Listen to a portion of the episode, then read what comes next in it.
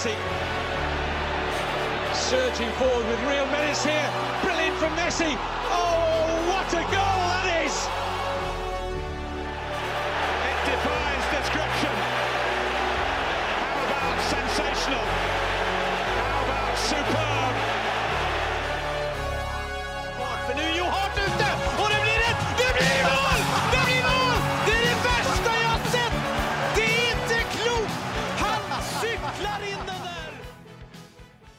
Ja da! Velkommen til eh, episode 181 av den regjerende og multikulturelle fotballpodkasten 90 minutter. Mitt navn er Thomas Edvardsen, og med meg i studio har jeg mannen som er selve opphavet til ordtaket 'brent barn skyr ilden', Mats eh, Granvold. Hei, hei. hei. Hei, hei. Og sist, men ikke minst, fyren som har et sete i podkasten, ene alene for å bli kvotert inn sånn at vi kan kalle oss multikulturelle. Søren Dupke! Hallo, hallo. God dag, god dag. Så det kunne vært hvem som helst som kunne sitte der, det er det du sier? Ja, bare han var fra Tyskland eller sørover. Ja, ikke sant? Så dansker og svensker? Nei takk. Nei, de, Nei, de, nei, de det vil ikke. ikke. Nei, nei. Em, alt bra siden sist? Feira nyttår og alt ok? Ja, det gikk. Det ble edru. Jeg hadde jo en sønn som må passes på, så jeg turte ikke å, å eh, alkoholisere. Men eh, det blei mye fotball, ja. Det er deilig. Det blei eh, Premier League og La Liga til eh, langt utpå natta. Høres ut som oppskriften, det, Søren Døpker. Høres ut som en fin nyttårsaften, det. Hadde en fin en, jeg òg. Feiret med min samboer og mine foreldre. Veldig koselig. Det er, det, er, det er hyggelig. Det er hyggelig. Det er sånn det skal være. Familie og venner. eh, dårlig i stemmen nå, eller? Jeg, jeg har ikke kommet meg helt ennå, altså. Nei. Jeg har eh, jeg, jeg, jeg føler liksom at jeg har gått sjuk i tre uker nå, uten å være skikkelig sjuk, da, etter den liksom første er sånn mild manflu?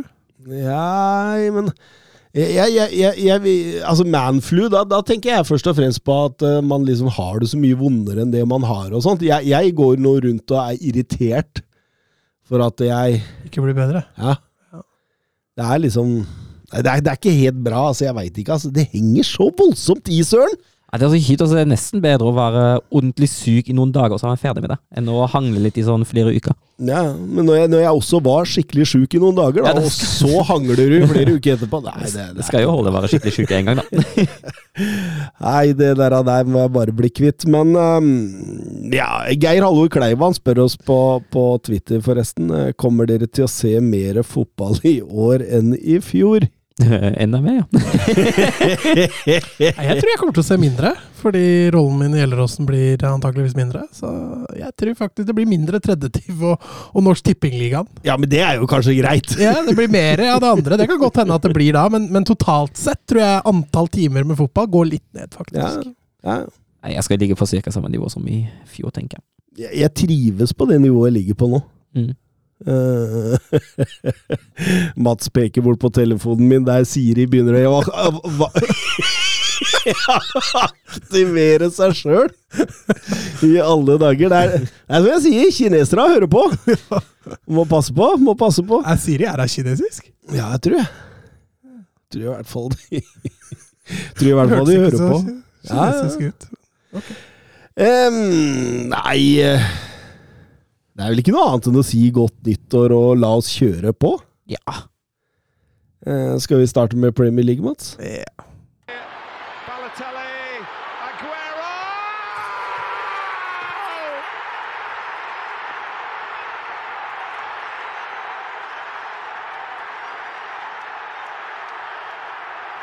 I swear you'll never see anything like this ever again. So watch it, drink it in. They've just heard the news at the Vi eh, starter eh, på Anfield, vi. Eh, Liverpool mot Leicester. Vi snakka jo om forrige episode at det er jo et Liverpool her som liksom De er langt ifra friskmeldte, og de, de, de varierer voldsomt underveis i kampene og, og har et ganske lavt bunnivå.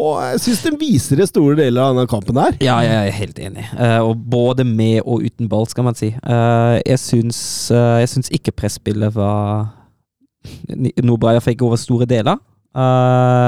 Hva man gjør i frispillingsfasen, delvis med ballen, det er helt sykt. Uh, vet ikke hva Henderson drev med, man trodde han spilte med blå drakt på. Men det kunne nesten se sånn ut. Det er jo Jeg syns det er svakt. og jeg syns også det er veldig synlig, da, når du så tar Aston Villa-kampen, hvor de har et bakrom å jage. mm. Måten de får flytta opp laget da, kontra nå, hvor de ikke har så mye bakrom å jage. Og, og hvor mye mer stykka opp da, det angre, uh, offensive hos Liverpool blir, når de ikke får det bakrommet hvor Núñez og Salah kan, kan løpe.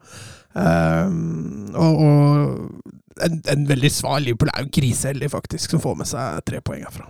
Altså, misforstå meg rett, de, er, de er, er det beste laget her, men her kunne de fått mye mer på pukkelen enn det de endte opp med å få. Altså. Det var liksom litt back to basic for Rogers denne gangen, når du driver og snakker om dette bakrommet de ikke får. Altså, mm.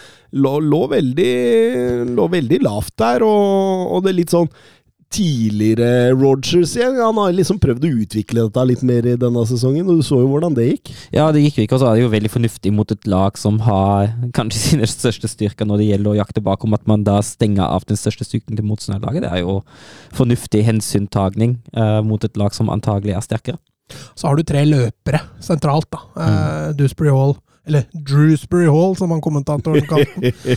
Som Somaré og Ndidi, det er jo Eh, er jo krigere på midten der, og du, du legger liksom litt eh, legger liksom litt lista der. Og så, og så kommer Vardi tidlig inn uh, for å få den bakgrunnstrusselen med han. da, det, Jeg er litt enig med deg. Det var litt Leicester back to basic-spill uh, her. Mm. Mm. Det er veldig, veldig spennende å uh, se hvordan liksom jeg, jeg, liker veldig godt det du sier, Mats. Det der med at Liverpool med og uten bakrom, det er og, og, og, og, på mange måter så syns jeg jo nå at uh, Brendan Rogers på en måte viser andre trenere da, mm. at uh, hvordan egentlig man skal møte Liverpool.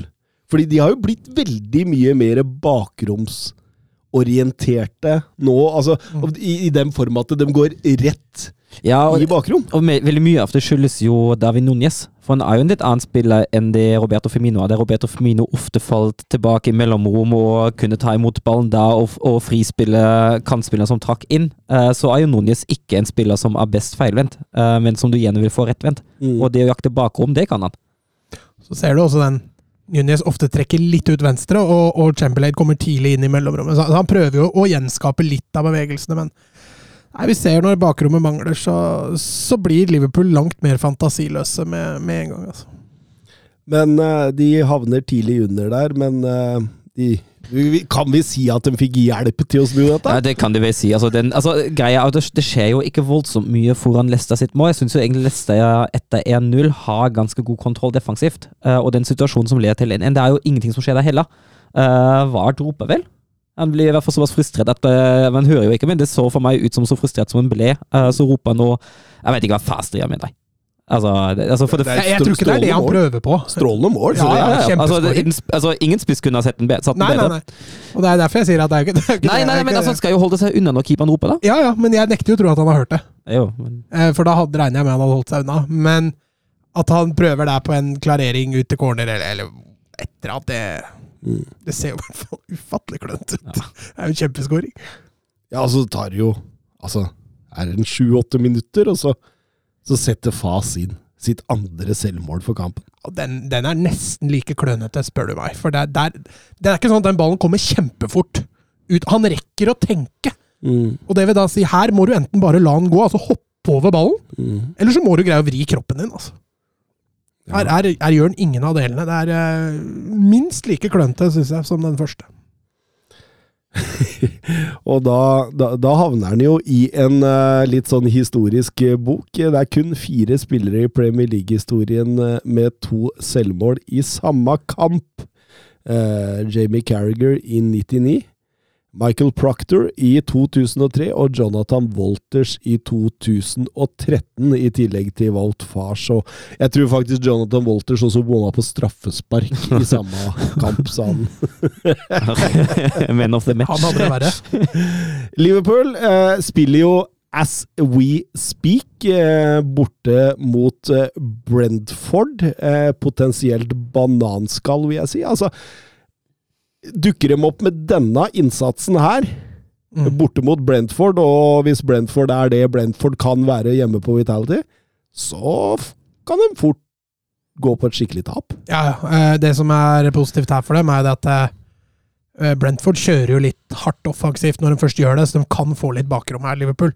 Men aggressivitetsnivået til Brentford er allikevel mye høyere enn det de møtte mot Leicester. Så de er nødt til å møte opp her, altså, ellers så kan det gå galt. Mm. Den skal vi se når vi er ferdig i studio her, så vi eh, trenger ingen oppdatering på den. eh, Oskar Carveio Holm, eh, er Alexis McAllister og Moise Caicedo godt nok plaster på såret om Liverpool ikke klarer å hente Jude Bellingham og Enzo Fernandes? Hvem var den andre? Moise Caicedo Å Og uh, McAllister. McAllister. Ja, ja, nei, det er nedtur. Ja, det er det. Jeg, altså, jeg, jeg tenker jo særlig, særlig avstand mellom McAllister og Bellingham, den er stor. Uh, Bellingham er McAllister er verdensmester, da. Jo, men det har vi ikke så voldsomt mye å si. uh, nei, Har litt å si å være verdensmester. Bellingham er vel, er vel også fem år yngre enn McAllister. Uh, Bellingham har et skyhøyt potensial. Uh, McAllister er en, eh, er en bra og grei spiller for all del, Eh, men eh, altså, allerede nå mener jeg at Bellingham har et høyere nivå enn McAllister, uh, og det nivået kommer bare til å øke enda mer. Uh, Caicedo syns jeg kan fint være i nærheten av uh, Enzo Fernandes. Den uh, avstanden der er ikke, vold, ikke så voldsomt stor, så det er en uh, grei erstatning, tenker jeg. Men uh, særlig avstand mellom Bellingham og McAllister, den er stor. Ja, men altså, en Jude Bellingham, Enzo Fernandes, det er sexy, eller? Mm. Og så får du Moise Caicedo og McAllister isteden. Det er ganske usexy i forhold, Mm. altså. Mm. Der kan du finne mye gode sammenligninger på Og jeg, jeg var jo inne på det i forrige episode, dette med, eh, med Gakpo og, og eh, Om de så henter en av disse i januar nå, da. eh, Da kan ikke jeg se for meg at Liverpool klarer å hente Jude Bellingham i sommer. Da blir jeg rett og slett imponert hvis de klarer det. Hvis de Altså, så, så jeg tror Klopp og co. er litt sånn inne i en sånn Sophie's Choice akkurat nå. Altså ha muligheter på Bellingham og, og leve med det man har. Eller droppe Bellingham og forsterke i januar. Jeg tror det er Det litt er litt sånn miksa signal du har fått. da. Bellingham skal liksom ha bestemt seg for Real Madrid. Du får liksom høre de ryktene som gjør det litt slitsomt. Så jeg skjønner jo at det er et vanskelig valg også for Liverpool. Mm. For selv om de avstår for å kjøpe noen flere nå, så er det jo ingen garantier for at Bellingham går til Liverpool til sommeren. Nei da, nei da. Så det er, det er, det er jo noen vanskelig ja, ja, det er rett og slett Sophie's Choice. Em, likevel, uh, vi går videre til uh, Molineux, der uh, der Wolverhampton tok imot eh, Manchester United. Lopetegi som vant i sin Premier League-debut. eh, debut. Den var viktig, den. Eh, tar imot en Manchester United som eh, ja, mer eller mindre ufrivillig benka Marcus Rashford. Ja, det var noen disiplinær eh, reaksjon. Eh, De eh, fant vel ikke ut hva. Jo da, han forsov seg til eh, spillemøte. Før kamp. Sa de det før kampen? Nei, han Eller sa- det kommet fram eh, eh, etterpå? Det kom Kom etterpå. etterpå. Ah, ok, ok. Eh, ja, nei, i så fall er jo det litt eh, Osman Dembélé over det, faktisk. Uh, så jeg skjønner jo at hvis man skal ha en struktur, så er det jo respekt til Ten Hag som uh Ja, altså Det så ikke heller ikke ut som at Rashford holdt noe grudge i etterkant. Han uh, aksepterte det. Det var et Instagram-bilde var det i går eller i dag i storyen som dukka opp. og det, det var et bilde av ham som holdt rundt en Hag Og alt det, så det ser ikke ut som at uh, han har noe problem med denne avgjørelsen. Han signerte ny kontrakt nå i jula. Ja, men de, de hadde ett års opsjon. Ja, Mm. Så Det ble bare forlenga med et år. Mm. Men i og med at Rashford starta på benken eh, man, man, klarte, man kunne vel se godt at Rashford han trengs i dette Ja, Manchester men- men- United-laget. Man, man gjør det. Uh, det ble veldig preget av at United måtte spille seg rundt i midtblokka til Wolves. Uh, da valgte man gjerne en vending ut mot høyre, mot Anthony. Uh, men jeg syns Anthony hadde en særdeles svak kamp eh, borte mot Wolves. Eh, klarte egentlig ingenting. Kom ofte fram, ble ofte spilt fram i de vendingene i gode posisjoner. Eh, fant ingen pasninger i eh, boksen, fant ingen pasninger til den overlappende Van Bissaka. Mista egentlig ballen i forholdsvis greie posisjoner hele tida. Garnaccio er jo ikke akkurat effektiviteten sjøl. hadde jo en eh, kjempesjanse der. Eh, da han ble spilt fram av motspiller, var det vel? Og, og, og så, så blir han fortsatt litt for veik Ja, til å være en sånn starter. Ja, han blir det. Han er altså utvilsomt et kjempetalent der òg. Ja, stort potensial, uh, men det er en forskjell mellom Marcus Rashford og Garnaccio nå, altså. Det er det. Og som du sier, man ser, man ser tydelig at det mangler en Rashford. Og Wolves gjør det jo bra. Wolves stenger jo absolutt alle pasningsveier inn sentralt. Og da blir det tøft for United. Men Altså, var, det en, var en feil, Mats, av Lopetegi å gå ned til en 5-4-1 der når det begynner å gå utover annenomgangen? Eh, altså, Etterpåklokskapens navn så må vi jo kunne si ja, ja, det var nok en feil, det. Men i, samtidig så skjønner jeg jo argumentet for å gjøre det når Rashford kommer inn der, for å, for å få en sikringsspiller til sentralt. Eh, men han mister litt tyngden framover, som gjør at kontringspunktene blir færre. Eh, man blir veldig baktunge som et resultat av det. Og det er klart, Rashford skårer jo Den skåringa der gjør han jo i en telefonkiosk, liksom. Det er, Glass og ramme. Ja, han trenger jo ikke noe plass i det hele tatt. Um, så en Rashford i form her var rett og slett forskjellen på ett og tre poeng. Og så lenge Wolves da er ja, Kall det gjerne litt ineffektive da, når de nærmer seg 16-meteren, så, så hjelper det å ha en Rashford i form. Ja, jeg er ganske sikker på at Manchester United kunne spilt til andre nyttårsdag ja, uten å skåre mål i denne kampen her. Hadde det ikke vært for Det er i dag, det. de- Ja, De hadde skåret i dag. ja kanskje skåret i dag. Kanskje, kanskje Bruno Fernandes hadde hatt en, eh, et langskudd. Jeg veit ikke, men, eh, men eh, helt klart den store forskjellen. Og Ole Haaland også er ute på Twitter og spør oss eh, Manchester United offensivt med og uten Rashford, noen tanker? Ja, det er jo en voldsom forskjell. Det er jo, det, det er jo en spiller som, eh, som vi har snakket om, som kan avgjøre en kamp nesten på egen hånd. Uh, som gir et helt annet trusselbilde enn når han ikke er på banen. Ja, jeg vil også presisere en Rashford i form, da. For vi har alle sett Rashford ute av form, og det er jo håpløst. Eh, Det er jo ikke noe Men nå er han åpenbart i Han er lenge siden han har vært i så god form som han er nå. og ja, Selvfølgelig synd at han forsover seg, bryter reglementet på den måten, men, men han må bare spille så mye som mulig som kroppen tåler, for nå, nå kan de virkelig nyte dette her. Altså, han er i og for seg både en kontringsspiller, men også en spiller som kan åpne dypliggende forsvar. Altså, jeg, jeg ser ingen andre United-spillere som, la oss si, har begge disse egenskapene. Nei, en- På den måten en- så blir han mer uforutsigbar òg. Enten de på en god dag, når han har aktivitet seg litt Ja, men er, er han noe utprega kontringsspiller? Nei, men han er jo, han er jo farta nå, altså. Det, Jo, jo, men, det, det, men, men i kontringsfasen så er det forskjell på Anthony ja, det er og. Rashford. Men det, det er det mot dyptliggende òg, da. Jeg bare sier at potensialet hos Anthony også er der. Ja. Men, jeg, men, jeg, men på denne måten så gjør han jo litt mer uforutsigbar. Og, Ja, men altså, han, han er så flink til å utfordre da, hele tiden, om det er en kontring eller om det er mot etablert. altså Rashford har jo aldri vært redd for å utfordre. Og det Er du i form, da, så skaper du hele tiden ubalanse på den måten. Enten ved å dra på deg press, eller ved å gå av en spiller. Um, så Nei, jeg er helt enig som du sier. altså Når Rashford kommer inn, altså det blir noe helt annet trussel offensivt for United. og Altså Eriksen hadde en svak dag. Anthony som søren er innpå, var ikke all verden. Eh, Casemiro er i kjempeform nå, så så lenge de bruker han, så slipper de ikke inn mål. Eh, Fernandes OK og Martial ganske usynlig, så Nei, de trenger Rashford på banen de neste matchene hvis det skal være gøy å være United-supporter. tror jeg. Alex Bjørkan, fryktelig kjipe navn som nevnes som ny spiss i United. Morata, Memphis, Abraham, Schick osv. Har dere ikke noe sexy og spennende forslag for sommeren, eller er man nødt til å fyre av en hundrings for en spiss i hylla over? Kan ikke låne Fofana fra Chelsea? Ikke det er litt sexy? Nei, jeg tenker egentlig at United bør bruke penger på spissplass. Uh, til å få virkelig en, eh, en spiss som er på øverste, øverste hylle. Uh, det som, de som uh, nevnes Men får vel ikke noe nå i det vinduet? Nei, jeg tviler på. Men de som nevnes der nå, det er jo på en måte den hylla unna. Det er jo liksom den hylla hvis man ikke vil splæsje de 100 millioner som man beveger seg på. Ja, eller hvis man vil hente nå. Eh, men jeg tenker at eh, det United-laget har ambisjoner. Det kan jo hende at de spiller Champions League til neste år Uh, så jeg, jeg, altså hadde jeg vært United, hadde jeg brukt de penga på en Vlaovic, på en Osimen, på noe i den kanten der, altså. Men jeg så også det lånet som for Felixen. Så du hva Atletico skulle ha for det, eller? Ja, det var, det var vel såpass mye at ingen ville betale det? Nei, det det skjønner jeg, da. De skulle ha 21 millioner for et halvt år, Ja. pluss lønn. Hvem er det som hopper i det? Nei, det er jo ikke noen som hopper i.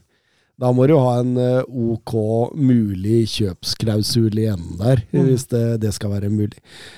Men, men jeg, jeg hørte til og med at Vincent Abubakar var i den miksen. Nå som Ronaldo hadde kommet til Al-Nazar, så var det mulig for Al-Nazar å slippe han til Manchester United. Er det tidenes bytte, eller? Nei, men det, det, det, det blir jo litt sånn Sophie's Choice dette her òg, tror jeg. For det som dere er inne på, eh, de får ikke den eh, superspissen i, i januar. Eh, nei, jo, i januar. Da må du vente til sommeren. Kanskje med å friste også med en Champions League, så kanskje du får en, eh, en, en sånn type som Oshimen. Eh, I januar, da blir det et helt annet beite, altså. Eh, men, men samtidig jeg tror det er mulig å hente ut en Jonathan David fra Lill, for eksempel, hvis du gir nok penger for det, og det tror jeg Ja, det er litt sexy, det. Mm. Mm. Ja, Det er litt sexy. Men da, da må det på en måte være spissen du satser på de neste sesongene òg. ja, ja. Men, men det, det er han jo god nok til å, å, å, å bli. Kanskje litt lik Martial? Jeg veit ikke. Ja, men, ja men David er vel litt mer klassisk nier, er han ikke det? Jeg føler ikke Martial er noe klassisk nier. Men jeg er enig, han har mye av de samme egenskapene. Mm. Eh, Men United vinner 1-0, og, og ja, så lenge de ikke slipper i mål, så er jo det Det, at, det med nier, det Ja. det er vel ikke så viktig. Nei, så nå har de jo en god form inne United, og, og skårer jevnt og trutt. Og det er som du sier, da. Eh, Shaw har jo vist seg å være god nok når man møter svak motstand. Eh, Varan er jo klasse. Van Bissaka defensivt syns jeg har tatt steg. Jeg, syns han fungerer mye bedre. Offensivt ser vi jo igjen i den kampen her at det ikke funker, men så lenge du kan Ja, men så lenge du har en defensivt, da, hvis du greier å forbedre det spillet, så kan du i hvert fall henge den på en knagg, da. Mm. Mm. Sånn bill for bi- billedlig ment. Ikke bokstavelig, altså. Ikke bokstavelig. Eh, Manchester City, Everton eh, Ja, Everton raskt ned i en 5-4-1, og da forstår man jo fort hvilken kamp Hvor dette bærer. bli. Ja. Haaland sparka ned etter 12,5 sekunder der, og eh, Ja, nei, det var jo et Everton her som kom for å, for å forsvare seg og muligens få inn en kontring. Og du, du kan jo på mange måter si at eh, planen til Lampard funka. Ja, den første omgangen eh, Altså, her var det mye terging også på Haaland, som var litt av planen, tror jeg. Her gikk man litt etter den. Det var ikke så ofte man ser Haaland i det humøret humøret der, men eh, der ser vi også litt at det bor en bamse inn også. Eh, er ikke bare snill og god gutt, det heller, når han eh, blir sinna. Everton altså, ble jo ikke så veldig overraska når de datt ned i Datt ned i De starter med Onana og, og, og Idrissa Gay på sentralen der, så, og Iwobi og, og Gray på kantene, så Det var ment for å kontre det laget her. Calvert Lewin, godt å se han tilbake igjen. Mm, mm. Brauten eh, setter likevel eh, 1-0 der, så. Ja, typisk City-skåring, vil jeg si. Uh, vending ut på høyre på Mares, uh, som dribler i boksen og finner Brauten, som får jo nesten blank kasse. Og da blir det Klassisk Brauten nå, egentlig. Ja, faktisk. faktisk. 21 mål eh, før nyttår er ny Premier League-rekord. Ja, det til tross for at han spilte færre kamper enn det pleier å være spilt på den tida, så det er en uh, meget sterk rekord. Men når det er sagt, så hadde Jimmy Greaves over 23 mål både for Chelsea og Tottenham før nyttår. Så hvis man skal dra de lengre Ja, altså, det, det er jo, jeg, jeg, jeg som er tysk, da, en liten avsporing jeg syns det er litt sånn rart at man snakker om Premier League-rekorder, på en måte stykker det opp så mye etter Premier Leagues, uh, Premier Leagues uh, grunnleggelse. Eh, for det var jo et øverste nivå i England lenge før òg. Det var jo At, det. at man ikke tar med de ofte, det syns jeg altså, Jeg syns, jeg syns bare det er så merkelig. Ja, men øh, Jo, jeg, jeg, jeg er for så vidt enig, men samtidig så er det jo Premier League de aller, aller fleste av oss husker. Jo, jo. Så det, det blir på en måte litt mer Nyere tid. Ja. Men samtidig også er det, så mye, det er så mye rekorder som jeg føler kommer med Haaland. da. Sånn derre eneste spilleren som har scoret før det har gått 67 minutter. Altså Det er så mye rekorder som man ikke har prata om før, da. Bare fordi Eneste mann med flette som har for Du, altså, Det er sånne, jeg- sånne rekorder som jeg, jeg tror også Hvis du ikke hadde vært norsk, hadde du ikke hørt om de Nei, det er akkurat det jeg skal fram til. da. Det er rekorder som kommer med Haaland. da. Eh, Så men Det er jo klassisk. da. Jeg vet ikke hvor mange Haaland-dokumentarer det ligger på Viaplay nå, ja, men eh, jeg tror det er tre eller fire Haaland-dokumentarer som bare har kommet siden i sommer, som ligger på Viaplay. Men uh, Godfrey, eh, Cody og uh, Tarkovskij de, de uh, gjør jobben sin. De, de Ja. terger Haaland, og de, de spiller på grensa, og de, de er solide baki der. Og, og terger vel Haaland så mye at han prøver å drepe Mykolenko rett før pausen der. Ja, voldsom. Er ikke den, ser ikke den mye verre ut enn det han egentlig er? Jo da, jo da, han gjør det. Ja, altså, det, det skjer Men i det stor kommer jo så fart. Ja, det er det som er. Altså, han kommer i så enorm fart. Eh, men, men eh, jeg syns ikke den men, altså, Der ser du Everton sin reaksjon Ja. når Haaland gjør det. At de Åh, det er om å gjøre å få han ut av matchen. Greier vi ikke å skade den, så må vi jo prøve å få på han et rødt kort, liksom. Nei, jeg syns jo det er helt greit med gult kort, Eh, men samtidig skulle man jo ønske seg at Haaland hadde litt bedre selvbeherskelse i kamp, da. Petter Aurseth uh, spør uh, hva er deres tanker om kampen mellom City og Everton. Jeg tenker da på Haaland-Godfrey-duell. Ja, altså det viser, altså Haaland viser jo at han fortsatt er en veldig ung spiller, at han er veldig helt i toppen til tider, og at han uh, lar seg provosere. Uh, ikke, ikke gitt at det hadde fungert mot alle spillere. Kan, hadde det fungert mot. Ja, det er 100% Han har jo vist det mot Christer Palace, var det vel? Var det ikke? Um, men altså, da viser han jo at uh, på den fronten har han jo kanskje fortsatt litt å lære å vokse.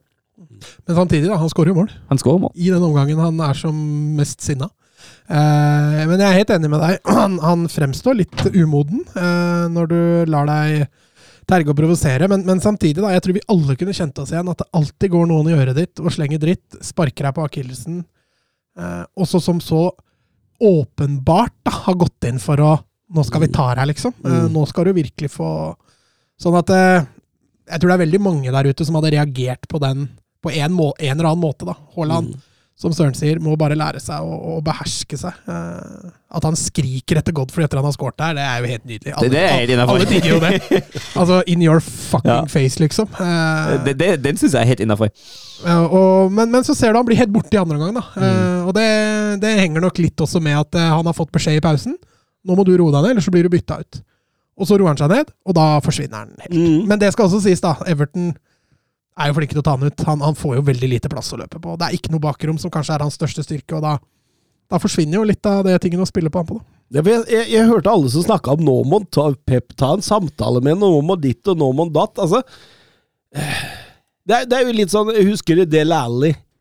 Eh, Pochettino sa jo alltid det. Hvis du tar ut den derre Lekenheten. Ja, den lille drittsekken i Del Alli, så forsvant fotballspilleren. Han måtte få lov å være en jeg Ja, kall det gjerne en kødd, da. Eh, mange lar seg motivere av det. Jeg som fotballspiller sjøl lot meg motivere av det. Hvis det var en som var en drittsekk på motstanders lag, så ga jeg de ekstra 10 prosentene mot han. Og, og, og, og da tenker jeg det at det, og, Særlig i forhold til det du sier nå, da, Mats, om at han forsvant jo ja, noen gang. Og det er sannsynligvis etter en samtale mellom, mellom han og Pep i pausa. Ja, det er jo klart. Altså, det, å, det å være ekstra motivert av det, det er jo bare positivt. Men uh, når du vandler kanskje, kanskje på grensen til å bli utvist, så er jo det problematisk. Og det er liksom den balansegang man må finne, da. Ja, for det, husker jeg, altså det, det, bruk, det bruker jeg også på spillere som jeg har trent nå, men det er ikke noe på ungdomsnivå. Da, så det er litt annerledes. Men jeg, jeg legger aldri føringer når jeg ser folk er forbanna og på måten til å klikke. Jeg tar dem bare ut til sida, og så spør jeg bare rolig har du kontroll. Mm. Hvis du ikke har kontroll, så må vi bytte. Har du kontroll, så, for, så fortsetter du bare. Ja. Og da, er- Alle sier jo at nei, jeg har kontroll, liksom, men hvis du da allikevel får rødt kort, så kan du ta en til side etterpå at nå håper jeg, da håper jeg du lærte, liksom, for nå Ja. ble du spurt. Ja. Og jeg tenker Uten det gule kortet som han da får rett før pausen, hadde det ikke vært noen samtale der. Det er av det gule kortet at han må roe seg ned. Mm. Mm. Så var det bare synd for Mykolenko, som ikke hadde noe med det å gjøre. At han ble kjørt over av en trailer der. Eh, Men eh, utover i annen omgang der, så mm, det, er- det er litt urytme der i City-laget. det er det. Og jeg, jeg, altså, jeg er salig skuffa over hvor lite Nå kan jeg trekke en parallell til Anthony, eh, men Citys Anthony i den kampen var jo Jake Wheelers. Han kommer jo ofte ut mot venstre, uh, vendes fri, settes i én-mot-én-situasjoner mot bekken, uh, men får voldsomt lite ut av det. Skuffende. Og jeg, jeg skjønner ikke helt uh, Jeg vet tjener som nevner det på, på sending, og jeg skjønner ikke helt hvorfor Guardiola ikke tar grep tidligere og bytter en Foden tidligere. Også. Men uh, Everton skal ha masse kred i andre omgang. Hvis, hvis du ser på den kampen med kyniske blikk, hvor gode Everton er til å bare drepe alt av flyt og Mm, tempo, avgjørelser. De bare drar ut alt, altså. Mm. Og spesielt selvfølgelig etter at de får 1-1, da, men uh, Nei, altså, Det er selvfølgelig døden for fotballen og den nøytrale, men, men er du Everton-supporter, så hyller man det jo. Og det forstår jeg. Drar derfra med ett poeng. Ja, selvfølgelig. Det er I den situasjonen de er. er Ja. klart de tar jo med seg det, da. Nissefan på Twitter. Tolvte mann, eh, som han også kaller seg her. Hva trengs i Manchester City for å komme tilbake til gamle høyder? Personlig syns jeg laget er nitrist. Trenger et par vinger, en midtbanespiller og en venstrebekk som kan utfordre og skape ubalanse, slik som Arsenal klarer. Var vel negativ, eller? Ja, litt, ja, altså hvis vi ser på, på XG-tabellen, leder jo City den uh, ganske klart fortsatt. Har vel skapt uh, over to mål, to XG-mål med en uh, Arsenal. Så jeg, jeg syns ikke det er, det er så nitrist. Det er klart at Særlig Grealish, da. Han er jo veldig varierende og viser jo kanskje at han ikke er helt nivået inne for et topplag som Manchester City, i hvert fall ikke som en starter. Uh, men altså, tar du Foden uh, hvis, du, hvis, Foden altså, hvis du kunne spilt med Foden alle kamper, så er jo dette da bra nok på venstrekant, tenker jeg. Mm. Uh, så er det jo den der venstrebekken, det er jo den posisjonen vi har snakka litt om, og så før sesongen at det er kanskje da de har virkelig behov for en forsterkning. Ja, men samtidig har vi funnet en god løsning hvis de har Walker på høyre og Cancelo på Ja, det funker jo det. Ja, funka veldig bra. Ja, han Louis òg ser jo Ja. bra ut, han òg. Mm. Mm. Men eh, jeg for så altså, mener, Tror du han mener spillet til City kan være nitrist, eller? Eller spillere? At han er, det er liksom triste spillere? For Mares og Grealish ut av form, det kan være enig i. Det er jo Det er tynn suppe. Det kan være nitrist, jeg er helt enig, ja. Men eh, altså, Silva, De Brøne, sånne spillere er jo, det er jo nydelige fotballspillere. Entertaining og Ja, nå var Gundogan også, men jeg husker den vendinga han har. Det var vel i forrige match. Når Ja, han vender- Leeds. Ja, når han vender Ja, du, vi så den jo sammen! Ja. Den vendinga han har der, før den ene skåringa. Mm. Men eh, ja, nei, hvis han mener spillet, så er andre gangen her for City er nitrist. Den andre gangen er eh, Det er pisse dårlig, altså. Men, men det er jo Premier League. Man taper poeng innimellom, og man eh, sliter i enkelte deler av kampene, og noen ganger hele kampen. Sånn er, sånn er Premier League. Det er så konkurransedyktig. Men er det sju poeng nå opp til Arsenal? Ja, Begynner å bli mye. Ja, men det er ikke ikke, halvspilling. ikke nok. Ikke nok. Eh, vi kan jo gå over til uh, Arsenal. Uh, Brighton-Arsenal. Uh, litt funny. Jeg sa jo i eh, forrige episode at eh, jeg følte at eh, Arsenal gikk ut i 110 i hver kamp og virkelig kom ut. og så skjer det igjen. Det skjer igjen, Eh, og det tar litt over ett minutt, så står det 1-0 til Arsenal. Eh, etter at man har kommet ut i 100, og Ja. eh, nei, altså det de, de første 10-15 minutta der. Ja. Altså, Der sjokkerer en Brighton, rett og slett. Altså, Det kunne stått 3-0. Ja, og det, det, er jo, altså, det er jo ikke bare, ikke bare angrepsspillet, men det gjenvinnes jo alt tidlig. Det er jo, altså, Særlig Partey sentralt på midten. Altså, han vinner jo alt hver gang Brighton prøver å avansere via midtbanen, så er ballen borte før de har nådd midtsirkelen. Mm. Mm. Og jeg er Fryktelig imponerende av Arsenal. Ja, helt klart. De er eh, fantastisk gode eh, fram til 3-1-skåringen til Mitoma. Ja, han Eh, kom jo inn og forandra litt. Da. Ja. Han var jo lysende.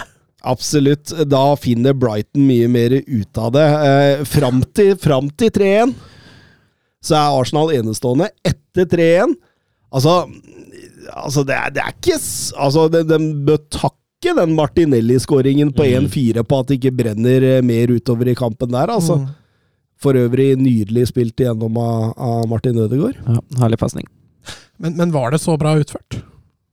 Er ikke det en litt enkel pasning å slå, sånn hvis du har blikket, liksom? Hvis du har Jo, jo, det er, det er Det er jo, enorm, det er jo enorme rom å treffe, Ja, ja. liksom. Det er, det, er jo, det er jo flere Highway One og, og autobahn og alt Ja, jeg, mulig. jeg, jeg bare så liksom var så mange som hylla Altså Jeg er helt enig i det overblikket og timing og alt sånt, det er helt perfekt, men selve pasningen er jo ikke Nei, altså løp, Løpet er like bra. Ja, ja. At han starter der på egen halvdel og, og får de metera på Lamptey, det, er- det, det er vel så bra som den uh, pasningen. Men det er, det er jo overblikket det går på her.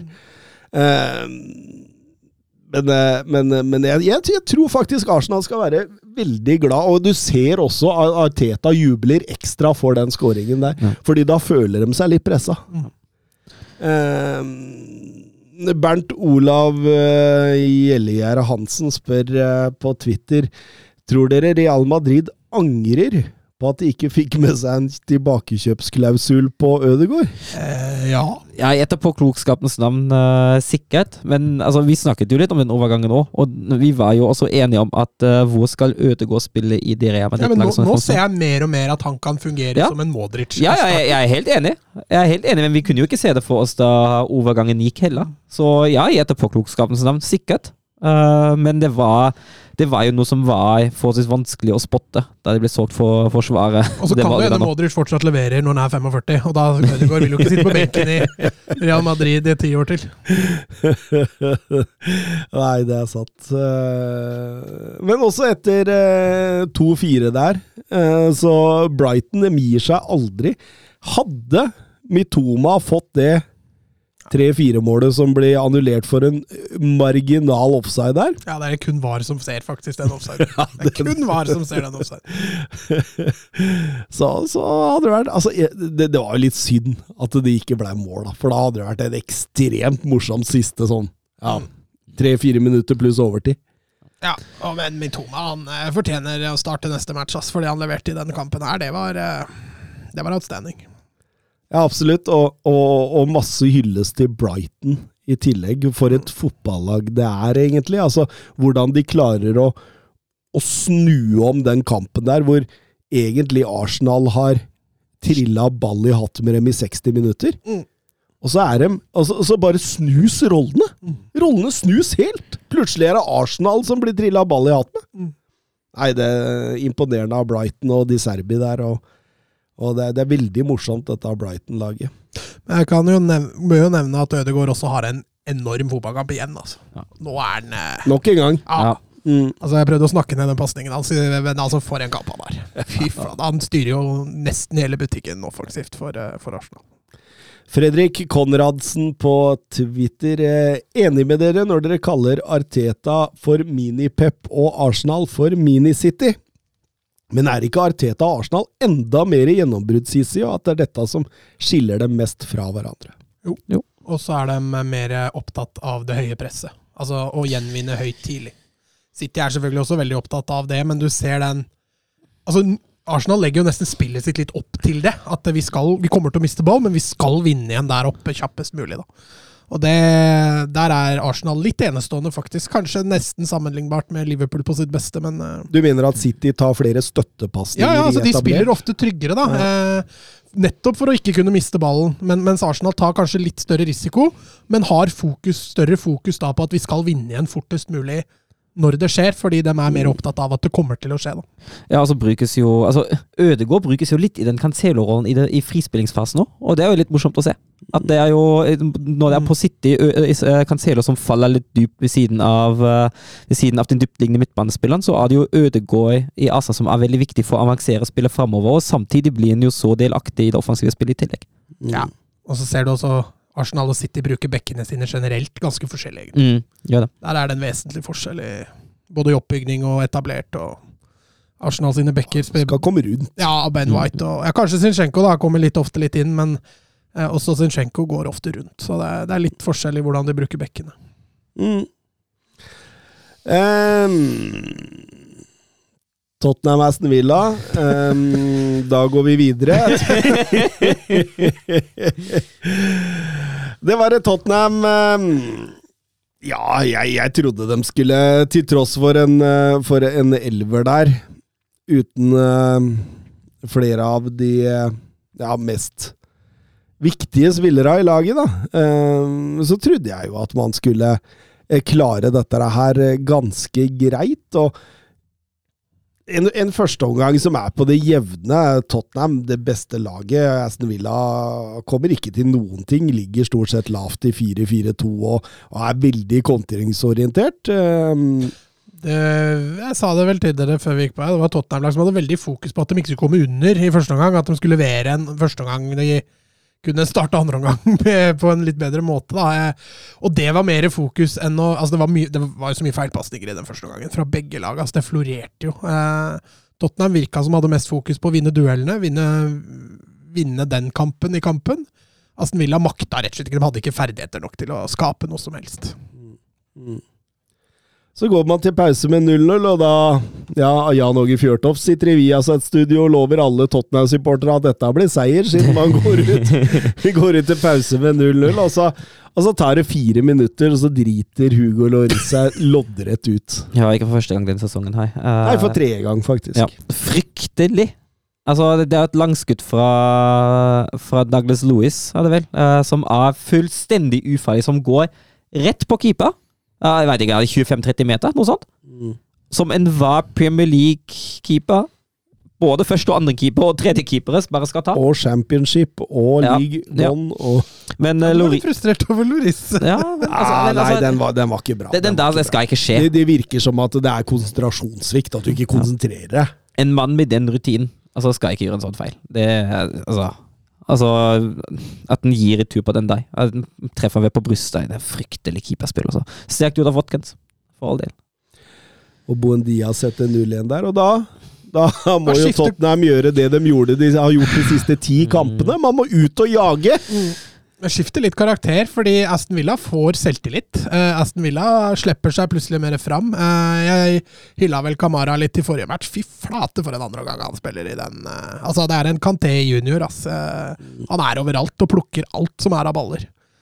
Og, og, og det dikterer jo mye av spillet for Villa. Tottenham altså, nå, nå ser de jo planløse ut. Altså Etter at Villa får den skåringa si. Så de har ikke svar på noen ting. Nei. Nei. Visste du at store personlige feil som leder til mål, så ligger Tottenham eh, øverst på den tabellen med fem. Altså minst to mer enn neste på lista, og Joris står for tre av de fem. Altså Det betyr at Joris personlige feil er flere eller likt som det neste laget på lista. Ja, det, det er voldsomt. Det altså, også, vi snakker en så rutinert og etablert keeper, da. Altså, nei, fryktelig. Så, det, vi, vi, vi var jo litt inne på det da vi snakket om det, at uh, toppnivået Eller jeg, jeg sa det vel i det keepervalget, at toppnivået til Loris det er veldig veldig bra, men bunnivået er helt katastrofe. Og når, når Villa setter 2-0 der, og så, så, så, så forstår man liksom skadeomfang og alt når Conte setter inn på Emerson og Sarr i jakta på, uh, på poeng. Og, og der man før kunne satt inn på en Rikarlison, en Kulusevski, kanskje en Skip eller Lukas Mora, så er det en høyre bekk To, to, to høyrebekker. som egentlig skulle spille venstre. Begge ble bytta inn på venstrebekk. Men, men det er sånne kamper, da. Som, altså jeg, jeg tenkte på det underveis, så får det til å tippe over for Conte. Altså, ja, han sitter sikkert på nyttårsaften, og så ser han at Manchester City sliter mot Everton, men setter inn på Foden, Gundogan og, og Alvarez når det lugger, for å ta et eksempel. Eller, eller Newcastle som hiver inn på en Wilson og St. Maximan når de sliter med å få høl på Leeds. Uh, og og, og det, det blir jo litt sånn jeg tror han står og tenker skal jeg konkurrere med dette? Og, og da må jo Levi åpne pengesekken, da. Og, og hvis han ikke er med på det, da er det lett å tro at Conte rett og slett forlater. Fordi man, man kan nesten se at det pines i han underveis i kampen der. At, han sli, at, at dette her er tøft for han. Da. Og, og Conte, som er Ja, han er jo en defensiv mesterhjerne, du kan jo si det sånn. Har sluppet inn to, minst to mål i sju kamper på rad nå. Eh, Man må tilbake til 1988 for å finne like alarmerende defensive tall for Tottenham Hotspur. Altså november 1988, det er 35 år sia! Og, og, og det, det, det er ikke bare Pochettino som har ledet Tottenham siden 88. altså Vi snakker en Dog Livermore, en Gary Francis, en Christian Gross, en David Pleat og George Graham. For, altså, altså selv om George Graham var jo ganske defensivt anlagt manager. Men, men det, er mye average, og mye average staller. Eh, men, men likevel eh, Det er dette vi sitter igjen med nå. Altså. Ja, og det er jo så overraskende, fordi da vi snakket om det før sesongen Da vi snakket om Tottenham Arsenal, vi sa jo at det kom til å bli jevnt. Trodde vi, spådde vi. Eh, og at Tottenhams store fordel i den dag var jo den soliditeten. Den grunnleggende basisen, den strukturen som ligger i det Tottenham-laget. Defensivt. Defensivt. Og det ser man så lite av nå. Mm. Og helt, uh, helt spinnvilt. Ja. Ja, den, eh, den Altså, det er, vi får håpe for Tottenham sin del at de traff bånd nå, altså. For det, nå har det sett skranten ut nesten hele sesongen eh, med at de alltid leverer omganger, store perioder, langt under der de bør ligge. Det er som du sier, de kan skylde på litt skader og, og viktige spillere ute og, og sånne ting, men, men dette er jo litt Tottenham også, da. Eh, Jeg har sagt jeg sa det vel før, at de heller skulle gått for en annen, mer offensivt anlagt trener, da angripe når du sliter defensivt. Eh, Nå er vel Konta antageligvis rette mannen til å snu dette, så, men vi får se. Jeg tror ikke han får noe særlig midler i Jeg tror ikke han får kjøpt masse spillere i, i dette vintervinduet, så han må prioritere. Kanskje han får inn én, to. Ja, altså, altså føler jeg jo altså, Men den sitter litt sånn ofte med, da, når man ser det Tottenham-laget, og særlig nå mot Aston Villa. Jeg hadde også litt den følelsen mot Brentford, særlig i første omgang, at man trenger litt sånn en individuell prestasjon for å komme seg gjennom og virkelig åpne målkontoen. Ja, I hvert fall sånn når Son er, Ja. er i dårlig form og uh, det, Kane blir veldig aleine. Liksom, altså, eh, la, la oss si laget mot Aston Villa, da. Med Bizoma og Høibjerg som knapt nok spiller fremover på den sentrale midten. Du har en høyrebekk som ikke fungerer offensivt. Du har en eh, venstre kant i Son som er totalt ute av form. Og du har en høyre kant i Brian Gill som knapt nok har spilt Premier League-fotball.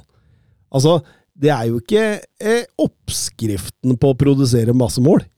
Nei, og så ser du at han ikke blir enig med seg sjøl åssen han skal konstallere den treeren bak der heller. Det er mye rulleringer, nye par hele tiden. Relasjonelle blir vanskelig å finne da, eh, når det hele tiden skal rulleres. Um, og så er det litt sånn den derre altså, så, Det var så tydelig, da. Det var vel på 0-0. Når Tottenham vinner ball, og det var vel Høibjerg eller Bizuma som fører fram, og så møter både Kane og sånn. Altså, de har ingen bakromstrussel når de skal kontre. Og det er klart, da, da er det vanskelig å få til noe. Når sånn, da, som i form hadde jo bare stikket med en gang Kane hadde fått ball, og så hadde de flikka han gjennom. Altså standard. Og så må de da vente på at Brian Hill, som har starta helt motsatt, skal gå inn i bakrom. Det går jo flere sekunder før han har den trusselen inn bak der, og det er veldig tydelig på, på at Tottenham sliter på, på veldig mange måter nå, spesielt offensivt. Kim Jansen på Twitter eh, tar gjerne to ord om eh, Bobakar Kamara på midten for Aston Villa. Mannen eh, nærmest suger til seg ballen. Synes også til tider utskjelte Watkins gjør manns jobb på topp, skårer ikke nok mål, men jobber og sliter, og, og brenner under beina på Conte, spør han. Eh, André Solberg også lurer på om Contes jobb er i fare. Vi kan begynne med Villa og Kamara. Vi har jo, som eh, den podkasten vi er, eh, hylla han mange ganger før, eh, Ja, fra begynner- Marseille-tida. Ja, vi begynte jo allerede før han kom til Villa. Vi snakka vel om at dette var et glimrende kjøp for Aston Villa. Eh, en potensielt eh, toppspiller i Premier League. Eh, Syns jeg har begynt å se glimt av det nå. Han har vært eh, litt fraværende lenge. Jeg har ikke helt klart å definere han, men eh, kampen mot eh, Liverpool, var det de møtte sitt? Nei. Ja, jo. Jo, det var Liverpool. Spesielt andre gangen var fantastisk. Nå også. Andre gangen nå mot Tottenham. Helt nydelig. En managers drøm å ha en sånn spiller sentralt på midten, som dekker store overflater og, og som Kim sier, bare suger til seg ballen. Alt som er av andre baller, detter i hans bein. Og er han vel er han jo ikke så ung lenger? Han er vel 3-24, er han ikke det? Ja, to-tre ut, 23. Ja. Ja. Uh, Så han har fortsatt en lang karriere, men, men kan vel kanskje ikke regnes som et talent lenger. Men uh, ja, hvis han, hvis han stabiliserer spillet sitt på det nivået der, så spørs det hvor lenge Villa får lov å beholde han. Og utskjelte Watkins, hva syns du om han? Altså, I tospann så er han jo gull, når han får folk rundt seg som han ikke behøver å behøver å stå for alt offensivet offensive sjøl. Men, men du, altså, du ser jo duellspillet, han er et monster i nærduellspillet. Det er ikke lett å komme inn på, på Watkins. Eh, samtidig, han er, eh, han er en trussel i bakrom. Selv om han ikke er superkjapp, så er det mye initiativ. Og som vi var inne på sist, det bor veldig lite mål i han. altså. Så han er avhengig av spillere rundt seg for at det skal bli farlig. Men eh, Søren, vi har snakka litt om Erik Den Haag, og, og at han klarer å heve nivået på enkeltspillere ganske raskt. Det har jo også Emery gjort. altså Spillere som Kamara, da, Buendia, Bailey og Watkins ser jo allerede mye bedre ut enn de gjorde under Gerrard. De gjør det. Uh, jeg tror jo også det henger litt sammen med at de underpresterte voldsomt den siste under Gerrard. Uh, at de nå er egentlig tilbake på det nivået de egentlig hører hjemme på.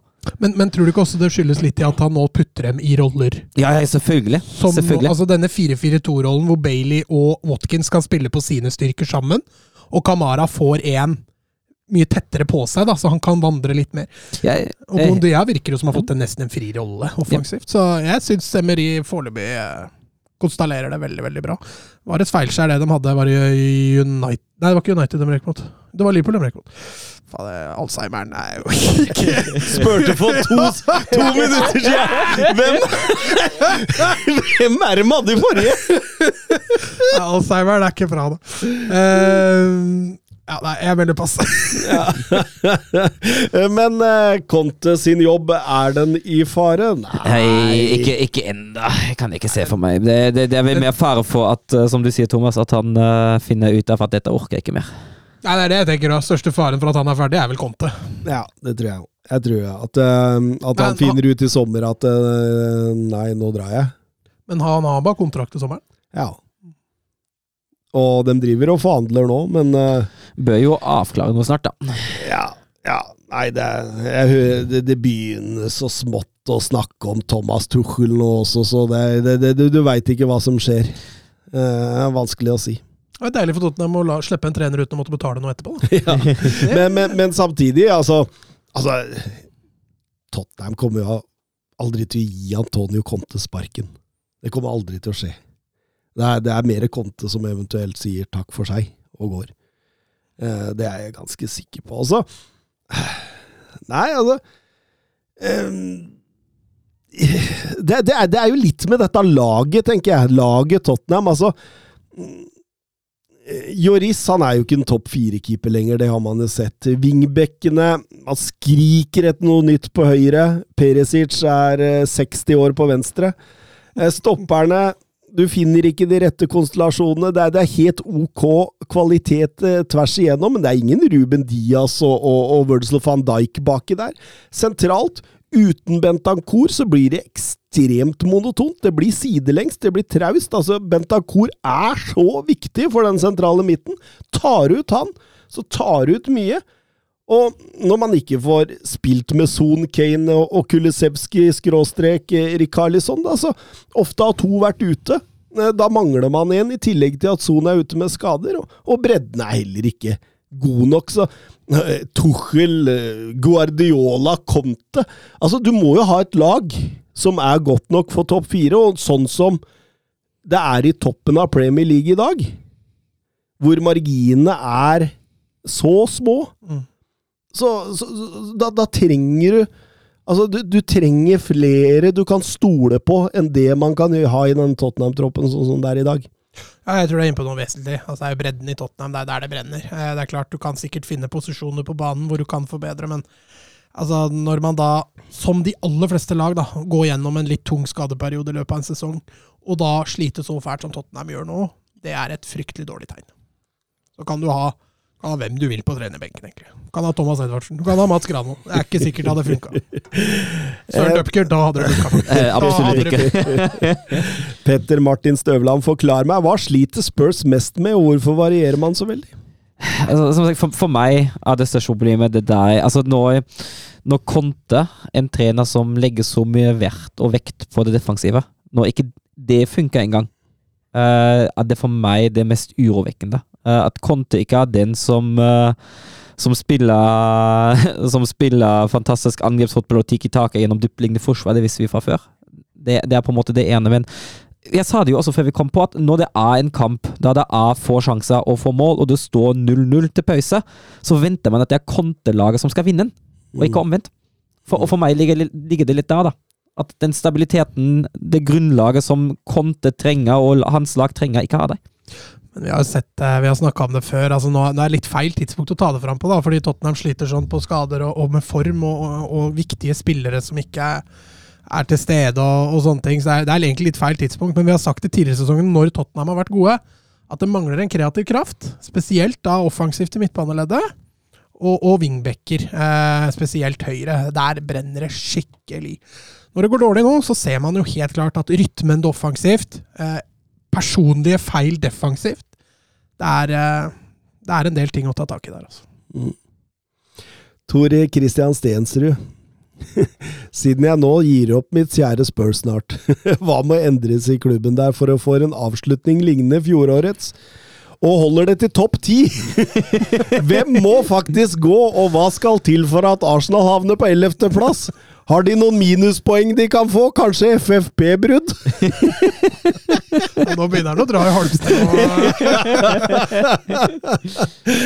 ah, det er nydelig, Tori Kristian. Jeg tror du kan svare på det like godt som oss. vi, vi går videre til Nottingham Forest mot Chelsea.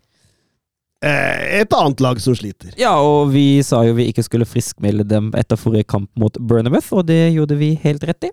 Og denne kampen har vært i hvert fall andre omgang. enn også Nei, første omgang var ikke særlig bra, det heller, selv om de styrer, styrer spillet greit nok. Men altså, jeg syns ikke det er en uh, kjempebra første omgang av Chelsea. Hele min andre omgang er rett og slett horribel.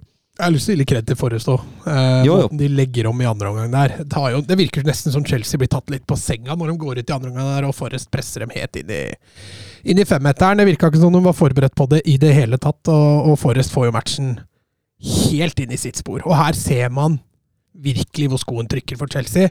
Det mangler en soleklar nier framme, som kan være både et oppspillspunkt, men også en kontringsspiller.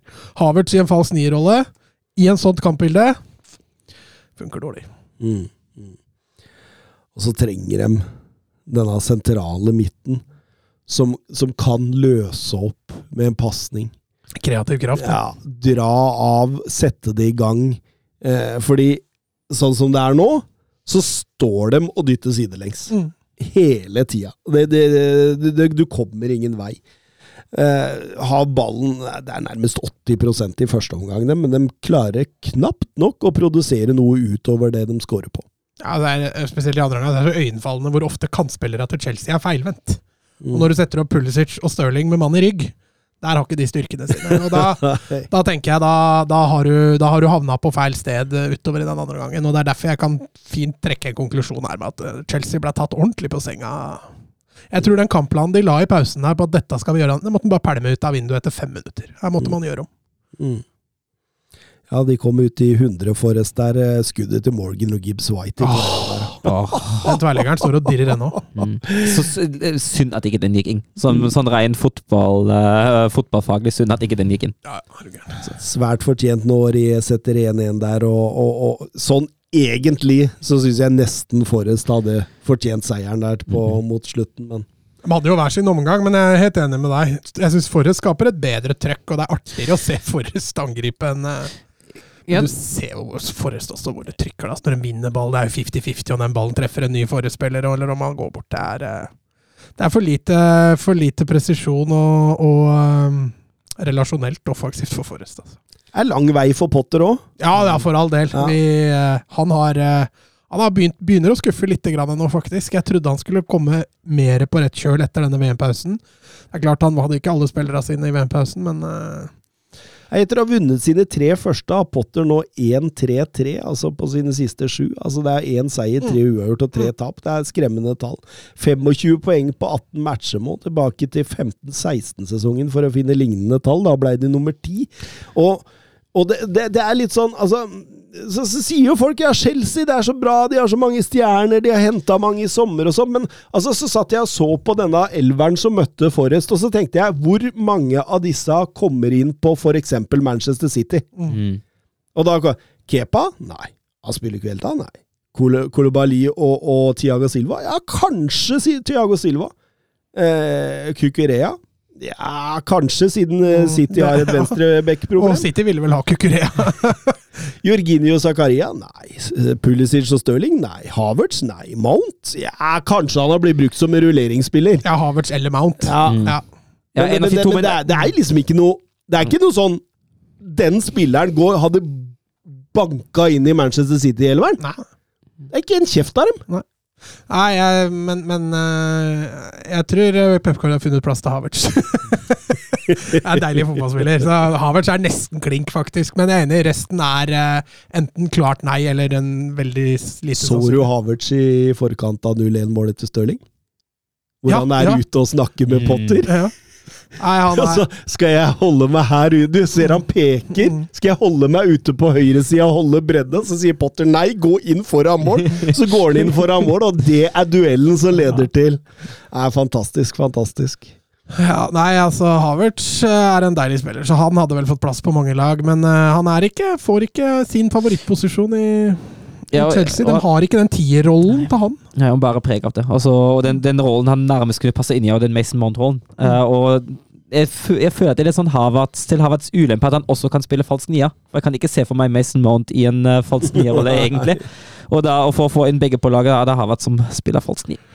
Ja da, jeg er helt enig, men, men altså, Aubameyang er sjanseløs. Så altså, Vi snakka om United, at det brenner der på en nier, men det gjør det veldig for Chelsea. Og jeg tror ikke for faen er løsningen den, eh, den våren her. Så, så de, må, de må fortsatt leite etter den nieren, altså. Jørgen Nystuen, dere som har fulgt uh, Badiashil tett, er han god nok? Og tror dere Enzo Fernandes kommer i januar? Jeg tror ikke Enzo Fernandes kommer i januar, og Badiashil er god nok.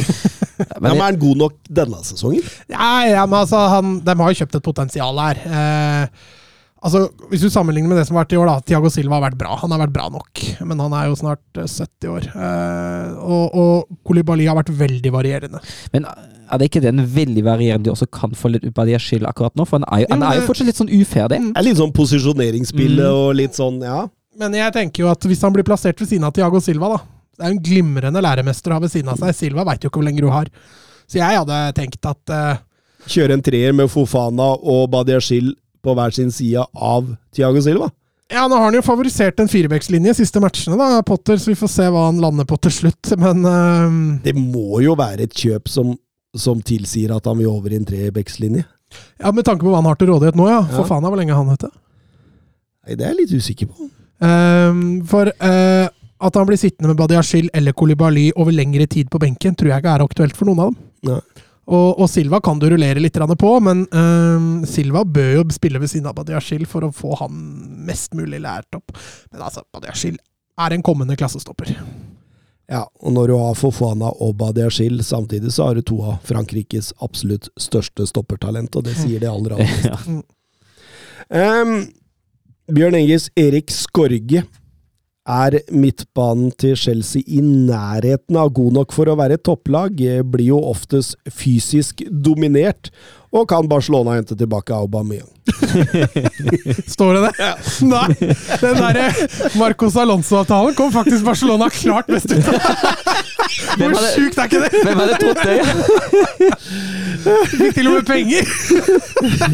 Hvis man husker hvor mye Mats kosa seg da Chelsea henta Aubameyang jeg, jeg tror Laporta kosa seg omtrent like mye. At han fikk en gratis og, og, og fikk eh, penger for den. Jeg tror han lo hele veien til banken, det, faktisk. Ja, fikk penger og Alonso. Ja. Ja, det er klart det var Alonso, ikke det jeg håpa på, men at man fikk penger for Aubameyang er helt utrolig. Et kjempejobb av Laporta der. Altså. Men vi har jo snakka mye om denne midtbanen til Chelsea, ja, kanskje det siste året. Mm, Jorginho som begynner å kjenne på tempo, Kovacic som er eh, ustabil, og Kanté skade som Ja, altså rett og slett, de har ingen en Kanté å oppdrive. Nei, Zakaria har vist at han er ikke der. eh, og Mason Mount er, eh, er har variert veldig i år, syns jeg. Mm. Ja, så er han jo ikke en av de sentrale. Nei, der. altså han skal jo være den offensive drivkraften der. eh, men jeg er helt enig med deg. Akkurat nå sliter de. Altså, vi Sitter om litt i samme båt som Liverpool. Ja. Trenger noe inn sentralt der for å drive opp tempo og drive opp pasningsspillet. Altså. Selv, selv om jeg hadde tatt den sentrale midtbanen til Liverpool over den til Chelsea, altså. Det hadde jeg gjort òg, faktisk. Ja, ja. Ti av ti. uka. En ti av ti altså- aleine er jo for- vært eh, Altså, det er jo Bjørn Erik er jo litt inne på det når han sier topplag. Det er ikke toppspillere av ytterste, kvali- ypperste kvalitet som sitter der inne sentralt. Altså, Zakaria er en, eh, er en helt ok spiller i internasjonal målestokk. Det samme kan vel sies om, eh, om Jorginho akkurat nå. Tenk deg han var, var eh, en av Ja. kandidatene til gullballen. En av favorittene til gullballen for bare to år Ja, siden. helt eller noe. sykt. Men altså, det, det, er, det er ikke helt eh, ikke, ikke det internasjonale toppnivået som vi ser. Gallagher Altså. Gallagher klarer ikke å få gjennombruddet sitt i Chelsea. Nei, men han, han får jo ikke nok spilletid heller, da. Han må jo spille Nei, det- mer det er over sånn- tid. Det er sånn det jeg tenker. Altså, jeg kan ikke se for meg at uh, Gallagher nå gjør det nødvendigvis dårligere enn uh, Jorginho Zakaria. Altså. Nei, altså Jeg tenker jo også det. da, altså Bruke enten Jorginho eller Zakaria, og så, Ja. og så sette Gallagher der. Og gi han et par matcher, se om det skjer noe. Mm. For der veit vi jo av historie fra de to siste sesongene at han kan jo bidra. Jonathan Hobber, dere var så vidt innom det siste episode. Hvordan skal Chelsea få regnestykket til å gå opp i forhold til innkjøp? Klubben er jo basert på å gå i minus. Åssen skal regnskapet gå opp her? Eh, Todd Boiley han lånte vel 4,25 milliarder pund for å kjøpe spillere eh, For å kjøpe klubben. Eh, Pluss 1,75 milliarder pund for å investere i klubben, dvs. Si altså da spiller og akademi. Totale beløpet endte vel til slutt opp på 8 milliarder pund, tror jeg. Som han har lånt. som han har lånt. I klubbens navn. Ja. Eh, og, og, og det blir jo litt som om du tar opp et huslån i en bank, da, så får du bilen på bilen på innkjøp, ikke sant? I bilen på kjøpet der. Ikke bare én bil, du har faktisk fått ganske mange franske biler, og det er litt I, I sommer så gikk det ca. 200 millioner euro i minus på ren kjøp-salg av spillere, pluss de sparka Tuchel og ansatte Potter, som nok ikke var noe billig sak i seg sjøl. Og så, og så finnes det jo så mange variabler her, i form av, tre, av betalingsplaner, i form av klausuler, eh, ting vi sjelden får innsyn i, da. Eh, Men i forhold til det budsjettet, investeringspengene på e- 1,75 milliarder pund, så begynner man jo å nærme seg, i hvert fall hvis man skal hente Enzo Fernandes, Badiashil og Nkunku. Samtidig da, er det jo mer videresalgsverdi i de tre enn i Kolibali og Aubameyang. Så jeg tenker jo at man, man begynner i hvert fall å hente riktig, da. Det viser seg at Aubameyang kan selges, skjønner du! Det har, det har Barcelona klart! Så det er ikke sikkert det er for seint. Må jo sitte et eller annet løk Ka- Kanskje, kanskje ned i Saudi-Arabia. men, men og så handler det jo også altså, hvilket budsjett det skal settes på. altså Hvordan er betalingsplanen? Kanskje en konko er på neste års budsjett? altså Det er så mange sånne variabler som gjør at det nesten er umulig for oss da, å sitte og liksom på en måte si at ja, det kan gå dårlig økonomisk, og det kan gå bra. Men jeg regner jo med at Todd Boiley skaffa seg en oversikt. Og altså, han er jo en forretningsmann. Han er jo en businessmann. Eh, han- satte seg vel en ganske klar plan på hvordan dette skulle gjøres, og, og, og en del av den planen var jo at det skulle omstruktureres både i ledelsen Det skulle Altså, Stamford Bridge skulle på en måte få et oppløft. Eh, trenings- og fasilitetene skulle opp, og man skulle investere i en ny spillerstall. Det, det, det var jo ting som Altså, det, det var jo festa på papir fra den dagen han kjøpte klubben. Så jeg regner jo med at det, dette her er ting man på en måte kan forutse, og som man har forutsett, men, men det store hele spørsmålet, det vi ikke har fakta på Jeg skjønner jo at folk lurer. Jeg skjønner jo det. Det er litt sånn Barcelona i sommer. Ja, Hvor det- kommer penga fra? ja. Hvor kommer de fra, og når kommer FFP inn? Ja, det veit vi av erfaring at de ikke gjør, så det er ikke noe problem. Det fins alltid veier rundt FFP. Vi kan vel nevne til slutt der også at uh, Moyes gikk på et nytt tap hjemme mot Brentford. Ja, Brentford kjørte ganske bra den matchen der, faktisk. Eh, Brentford borte har jo ikke vært alltid et hyggelig kapittel, men Westham er fullstendig blotta for selvtillit, altså. Og Newcastle, tross alt godt overtak, klarte ikke å få hull på, på Leeds. Nei, Leeds eh, sto imot. eh, Newcastle var det, var det egentlig klart beste laget, men eh, greide ikke å, greide ikke å få hull på billene her. Gustav Horndal, Luisao til Westham og Facundo Buenanotte til Brighton. Det er bekrefta. Hva kan dere melde rundt overgangen? Det er uh, Buenanotte som jeg kjenner til litt bedre enn uh, Louisao, uten at jeg vil si skute på meg og kjenne noe voldsomt. Eh, men det er jo et ungt talent fra Rosario Argentina, 18 år. Eh, en sentral, offensiv eh, midtbanespiller. eh, og sånn klassisk eh, playmaker, egentlig. Eh, trives best i den sentrale, offensive midtbanerollen og har alle kvaliteter som trengs for den, i hvert fall i Argentina. Uh, forholdsvis, forholdsvis kjapp er nå, god fart. Uh, Pasningsfot, dribleferdigheter, uh, lavt tyngdepunkt. Er jo bare 1,74 høy, tror jeg. Uh, og har god kreativitet. Han spilte i 24 kamper med fire mål og to assist for Rosario. Det er jo det er jo talent. Det er jo ikke en spiller som nødvendigvis går rett inn på Brighton-laget, men en eh, spennende signering. Di Serbis første signering. Mm. Eh, vi vi snakka jo om i forrige episode at Brighton har et eh, godt og dyktig scouting-apparat nede i Sør- og Mellom-Amerika. og Nok en gang altså, så henter de derfra. Jeg leste om uh, Buenanotta at uh, Carlos Tevez uh, sa om en eh, lenge siden noen ga meg så mye av å se på fotball som Buenanotte. Temposkiftene hans minner meg om Lionel Messi. Det er gode ord å ta med Mm. fra Ja, ja, Carlos Tevez. Mange som har blitt den sammenligninga skuffa stort. altså, Og så, og så ser vi jo Jeg føler jo at begge de overgangene der, det er jo to spillere som ikke er ferdig. Det er jo ikke Ruisao heller, det er jo Han er enda lenger unna. Ja. Uh, Går rett inn i U21, leste jeg her. Mm, og det, jeg føler at begge de to er sånn en konsekvens av at topplagene blir bedre og bedre og bedre i å tidlig finne lovende spillere, og da må man slå til når man har de mulighetene der. Men allikevel, Brighton også handler jo på en hylle under alle andre Jo. toppklubbene, da, når du ser hva Real Madrid henter til hvilke Mm. summer. da. Men det, det er jo voldsomt Endrik til 65 Ja, millioner euro i kontra. Men altså, han uh, godeste Buena Notte han koster vel 6 millioner euro. Ja, det- og og der, der, der snakker vi jo en spiller som fort kan jages av halve Premier League, halve Bundesliga, halve La Liga og halve Serie A. mm, Så det er voldsom konkurranse om akkurat de spillerne der, føler jeg. mm, mm. Meget, meget eh, bra. Vi går over til Skal vi si, noe om Louis òg? Uh, Nei, han kommer, han kommer ikke til å Han kommer ikke til å spille noe for Westham i år uansett. kan du si at det en stopper? Ja, Stopper på 20 år, er han ikke da? Ja.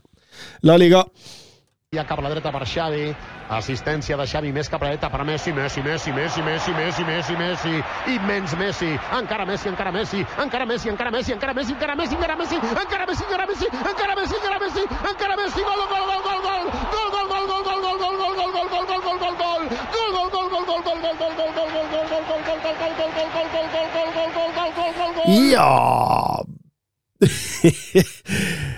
Jeg så noen eh, La Liga-kamper eh, i helga, og det, det, var så mye rødt. Underholdningsverdien tar seg opp, eh, fader, kan du jo si, da. Selv om kvaliteten nødvendigvis ikke er blitt så mye bedre, så vi, vi, vi, går først til Atletico Madrid mot Elche. Mm. mm. Det var en solid H på forhåndsoddstabellen, i hvert fall. Men første omgang, da.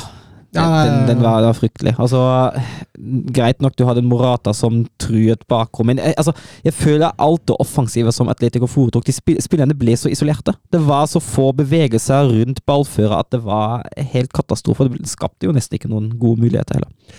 Altså Jeg ble litt glad når han tør å satse med tre offensive. Altså Felix, eh, Felixen, Grismann og Morata. Alle tre fikk sjansen, og det er ganske sjelden fra, fra Simione. Men så ser du også da at det er ikke så ofte de tre starter sammen, for det relasjonelle der er jo fullstendig borte. Mm, Eh, mm. Ingen av de løper sånn de vil, og pasningene stemmer ikke, timingen er ikke der. og Morata litt trussel i bakrom. Eh, Griezmann og Felix eh, kommer egentlig ikke til sin rett før det begynner å bli røde kort. Da, de, da får de mer rom. Ja, for Elche står jo tilbake med fem i, i forsvar. eh, Bra organisert, fine avstander. Gjør det vanskelig for Atletico Madrid òg, men, men Atletico Madrid jeg satt og tenkte, det må komme mer enn ett og ett løp. Altså, Grismann har ball, Morata på løp, brukes ikke. Grismann fortsatt på ball, Carasco på løp, brukes ikke. Grismann på ball fortsatt, eh, ender opp med at Else eh, får ballen, eller at det blir en støttepasning, som du sier. Ja. Altså det, det kommer ett og ett løp hele tida, og de går ofte rett fram. Mm.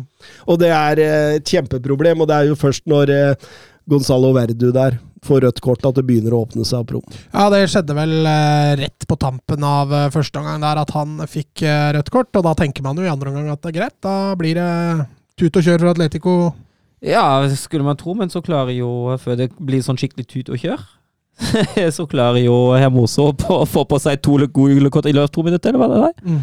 Jeg tror han har fire kamper fra starten og to røde kort. Det er, altså, det, det, Det er ganske godt. Men er er ikke det en sånn Atletico Madrid-statistikk, da?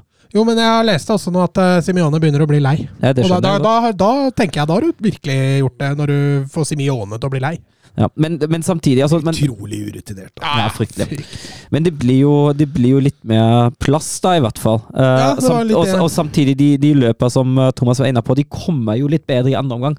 Du har litt flere samtidige bevegelser, du har litt flere opsjoner for ballfører. Samtidig syns jeg altså at Jorente blir mer offensiv på sin høyre, høyre Wingback. Har han hatt en skuffende sesong, eller? Ja, Men han ble også blitt flytta litt rundt på, da. Eh, fortsatt syns jeg han har vært best når han har spilt høyre wingback, når han får være med litt offensivt, men eh, Syns han har vært så mye anonym denne mm, sesongen. mm, Jeg er for så vidt enig med deg i det. Eh, Men eh, Felixen han setter 1-0 etter et bra forarbeid av, av Grismann der. Da er det faktisk to løp i boks. Grismann får ball, bommer, og så plukker han sjøl returen og skyter han i huet på Felixen, som uh, styrer han inn. Så Skårer sin tredje strake La Liga-kamp nå, Felixen. ja. Og da får vi spørsmål fra Vebjørn Fredheim. Kan formen til Joao Felix nå ta han ut av markedet? Uh, nei. jeg, jeg tror litt skaden har skjedd på en måte mellom Simione og Felix. Det er litt vondt blod der. Uh, og, og Felixen virker som har bestemt seg litt på at han, han vil ikke være der mer. Eh, men det er klart, hvis Felixen fortsetter å få spille, fortsetter å score, så kan jo selvfølgelig alt skje. Men skulle en klubb komme nå og legge et riktig tilbud på bordet, så tror jeg han drar. Mm. Mm. Morata setter 2-0 uten at han veit det sjøl. ja. Det var utrolig morsomt når, når Regilon sier til en 'det var ditt mål', og han bare 'hæ?! Men det er så bra. Han ligger nede og har vondt. Mm. Og så, ah, og så snur han opp, så ser han alle juble, og så spretter han opp! Ja, og skal være med og juble! Det er som Immobile mot Belgia i EM 2021, altså. Og han sier jo i intervjuet etter kampen at 'jeg trodde det var Grismann som skårte' når jeg lå nede'. Nei, det var funny. Han drar seg fint inn der, gjør egentlig alt sjøl, og så skyter han idet han blir takla, og skuddet går i en forsvarsspiller, og det er vel det han ser før han går i bakken. Men den får jo en litt sånn fast-bue, som vi så mot Liverpool, og du dupper i mål på lengste der, og da ligger jo Morata nede og filmer og har det kjempevondt. Eh, og så går det opp for han at det blir mål, og da spretter han jo opp og, og skjønner jo ingenting, men eh, det er en merkelig scoring, og Morata blir, blir målskårer, han òg. Og Elche klarer ikke å komme seg Nei, nå er de, altså nå, nå, er de, skal- nå er Atletico Madrid leder 2-0 på hjemmebane mot Elche. Da skal de jo være avgjort. Og det er det egentlig. Det kommer jo ikke noe voldsomt mer fra Elche i den kampen. her, Unntatt enda et rødt kort. Kina som, som får sitt Hvor, andre gull. hvor lenge var han på banen? Sju minutter? Ja, nei, det gikk fort. Og Bare der hadde vi tre røde kort. Bare der. Og da går vi videre til Celta Vigo mot eh, Sevilla, for der var det også et rødt, men det kom med på tampen av kampen. Eh, Sevilla i en 3-4-3 med Salas, Gudei og Carmona som stoppere. Altså, det bør være mulig for Celta Vigo å skape noe her, tenkte jeg. Ja, altså, dette er jo Dette er jo Sevilla i sånn sesongen deres har vært. Altså. altså, De har gått fra Condé og Diego Carlos til Carmona og Salas. Altså, det, Det er, det er ja, det er et stort fall. Det er et ekstremt stort fall. Eh, og Gudelli også, som i utgangspunktet ikke er stopper, selv om han har fungert ok på den posisjonen. Så det er tynn suppe. og Konya Nava spiller jo wingbacker i den eh, kampen der. og Nei, den første gangen den er, den er skrekkelig. Men, men ditto positivt for Celta Vigo, som jeg syns er ekstremt positive. Synd den skåringa Strand Larsen Eller når han tar ned den kula, for det er kampens øyeblikk. Ja. Mm. Han får et hardt gjennomspill i, i, i magehøyde, som han greier å ta ned kula relativt perfekt. Og så slår han ballen rett utafor der. Og det, nei, det var en nydelig fram til avslutninga, faktisk, av Strand Larsen. Så han var en del av oppbygninga på 1-0 òg. Ja, det var herlig. Får opp feil, feil, feil, feilvendt der, og så hæler han ballen tilbake til Raspas, som trer gjennom uh, Veiga der, som gjør en nydelig aleine med Bono. Og da ligger Sevilla under for Celta Vigo også. Ja, det er jo fullt fortjent òg. Det er jo Celta som har styrt showet. Og det er jo Det er også en ny stor Celta-sjanse etter pausen nå. Strand Larsen nok en gang, og kunne vært to. Ja, nei, Strand Larsen synes jeg er, ganske, det er en av de bedre kampene jeg har sett han i denne sesongen. Jeg synes han, Mangler bare scoring. ja, han mangler scoring, og det, du ser også litt på han. Han har vel en scoring i, i Copa del Rey, men han mangler scoringa i, i La Liga. Han har fått en del tillit, så, så det brenner nok litt for han også. Han har jo en, en Carles Perez i bakhånd der også, som kan pushe han litt. Men eh, Strand Larsen har noen kvaliteter da, som Celta ikke har ellers. Mm. Eh, mye fysikk og duellspill. og og han har også ganske bra ferdigheter til å være så svær, så jeg ser for meg at han kan bli en kjempesuksess. Men, men han må ha den skåringa for at det skal løsne litt, tror jeg. Men Sevilla løfter seg, ja, noen gang. Det er utvilsomt. Eh, aggressiviteten eh, øker jo et par hakk. Lamela kommer inn der. Eh, ser også benken til Sevilla, hvordan de sliter. Altså, det, er, det er kun det er, Juniorer. Ja, altså det er Suso, Janusai og Lamela. Resten er spillere du ikke har hørt om, eller spillere som er henta fra gutt 14-lageret. Så det, Så det, det brenner skikkelig der i forhold til spillelogistikk. Men, men Lamela kommer jo inn til pause. Han er jo trøkk og fart i. Eh, hadde han ikke vært litt skadeutsatt, så hadde vel han starta, tenker jeg. Men eh, han bidrar helt klart til at Sevilla får løfta seg. De får, eh, får en, nok en, eh, en ballspiller litt høyere i banen. Altså, Rafa Mir og Enesiri er altså, Det er så begrensa fotballspillere, da. Eh, du, hva får du brukt dem til, liksom? Altså, det er bare innlegg, da. Ja. Og når Sevilla da ikke kommer til innlegg, så er de ubrukelige. Eh, Oliver Torres har ikke dagen. Nei, da, da Det er er en stor sjanse Torres der òg. Ja. Ja, herregud. Altså, det er jo ufattelig miss, egentlig. det der. Ja, altså Som andre omgangen blei, så hadde det faktisk ikke vært så ille om Sevilla hadde fått en skåring til, for de var de som kjørte utover i andre omgang der, i hvert fall fram til gult kort nummer to på Carmona der, som lå, lå egentlig i lufta lenge at han skulle få det røde. altså. Jeg trela ligakampen på rad for Sevilla med rødt kort. Mm. Sevilla fortsatt under streken. Har Getafe hjemme, Girona borte, Cádiz hjemme og Elche hjemme, før Barcelona borte på de fem neste. Det bør jo være mulig for å ta litt poeng og komme seg over streken her, da. Altså, altså Jo lengre Sevilla ligger der, jo en større skandale blir jo dette. Altså Ja. Sevilla er et lag som hører hjemme langt opp på øvre halvdel, eh, selv om man kan forstå at de sliter i år. Men at de skal ligge under streken, er jo Det er samme som Celta borte. Altså, Celta er jo et lag som ligger rett rundt dem. Ligger vel to plasser foran eller noe sånt. Uh, der, der skal det faktisk være mulig å ta tre poeng. Og jeg, jeg syns jo, altså hvis man ser på XG-en som sier 1-6-6 mot 0-5-9, at uh, Sevilla er heldige som drar derfra med ett poeng. Men Celta også har underprestert i år. Jo. Eh, de også hører jo hjemme høyere opp, men jeg er helt enig. Borte mot Celta så skal Sevilla være favoritt.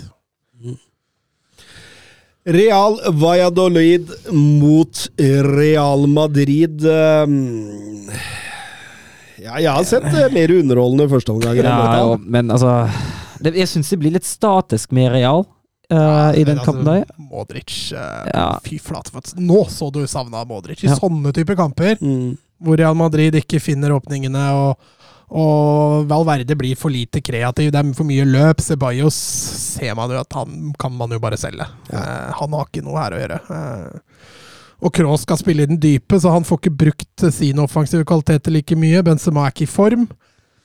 Nei, det er, Den første gangen var nok litt alarmerende, tror jeg, når man eh, ser på hva faktisk Real Madrid kom med til den kampen. der. Ja, absolutt. Det, Nei, det var ikke noe særlig. Jeg syns det var helt greie sånn 10-12-14 minutter, og så Ja, og fram, så fram til Benzema får sin store sjanse som han eh, blåser over fra 5-6. Ja, den var overraskende at han bommer, men det er litt som jeg sier, han er ikke i form. Mm.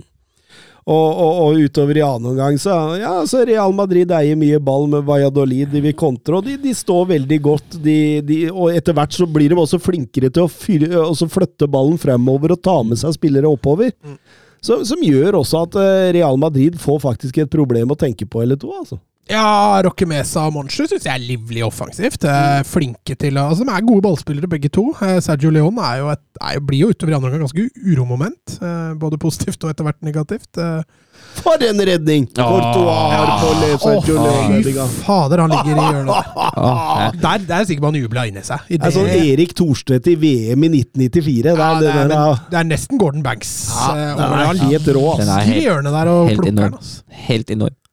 Og da kunne Valladolid gått opp til 1-0. Altså. Ja, ja, og det hadde det, tror jeg fort det kunne blitt litt annerledes, det der. For, for Valladolid fikk litt kampen inn i, i sitt spor. Ja, ja, det det. Uh, utover i andre omgang der, så frustrerte dem Real Madrid, og, og, og de fikk helt klart positive svar på, på, på planer de hadde lagt før kampen.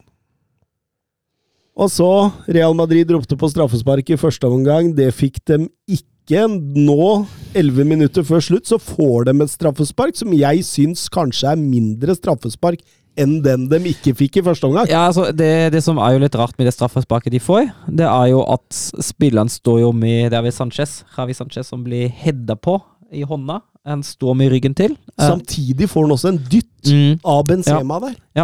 Eh, det som feller han til slutt, er at hånda står såpass langt ut fra koppen. kroppen. Men det er sikkert dytten som gjør at mm. han må ut og Jeg tenker at Hvis vi skal følge reglene her, så er det riktig av begge. Fordi hånda som, I første omgang så er hånda på vei ned for å tas imot. Jeg tror det er det de tenker. at Ja, også, altså Derfor er ikke det straffe. Og så spretter han i beinet først òg. Og Ja, nå, nå ja. spretter i kroppsdel og så i hånda, er det, er det greit å la være å blåse. Mens den i andre omgang, så er det som du sier, Søren. Hånda, altså Det kan godt hende det er fordi han får den dytten, og han får ikke gjort noen ting, liksom. Du er helt fanga som forsvarsspiller. Jeg er helt enig i det. Men fotballens prinsipper for meg her da blir feil. Ja, Fordi jeg er helt enig. den første omgangen der Der står Benzema bak og kan dytte den i åpent hvis ikke den hånda er der. Ja, men det, altså, og, og, og i, i, i situasjon nummer to Den hadde Ja, han hadde ikke gått inn til, gått inn til keeper.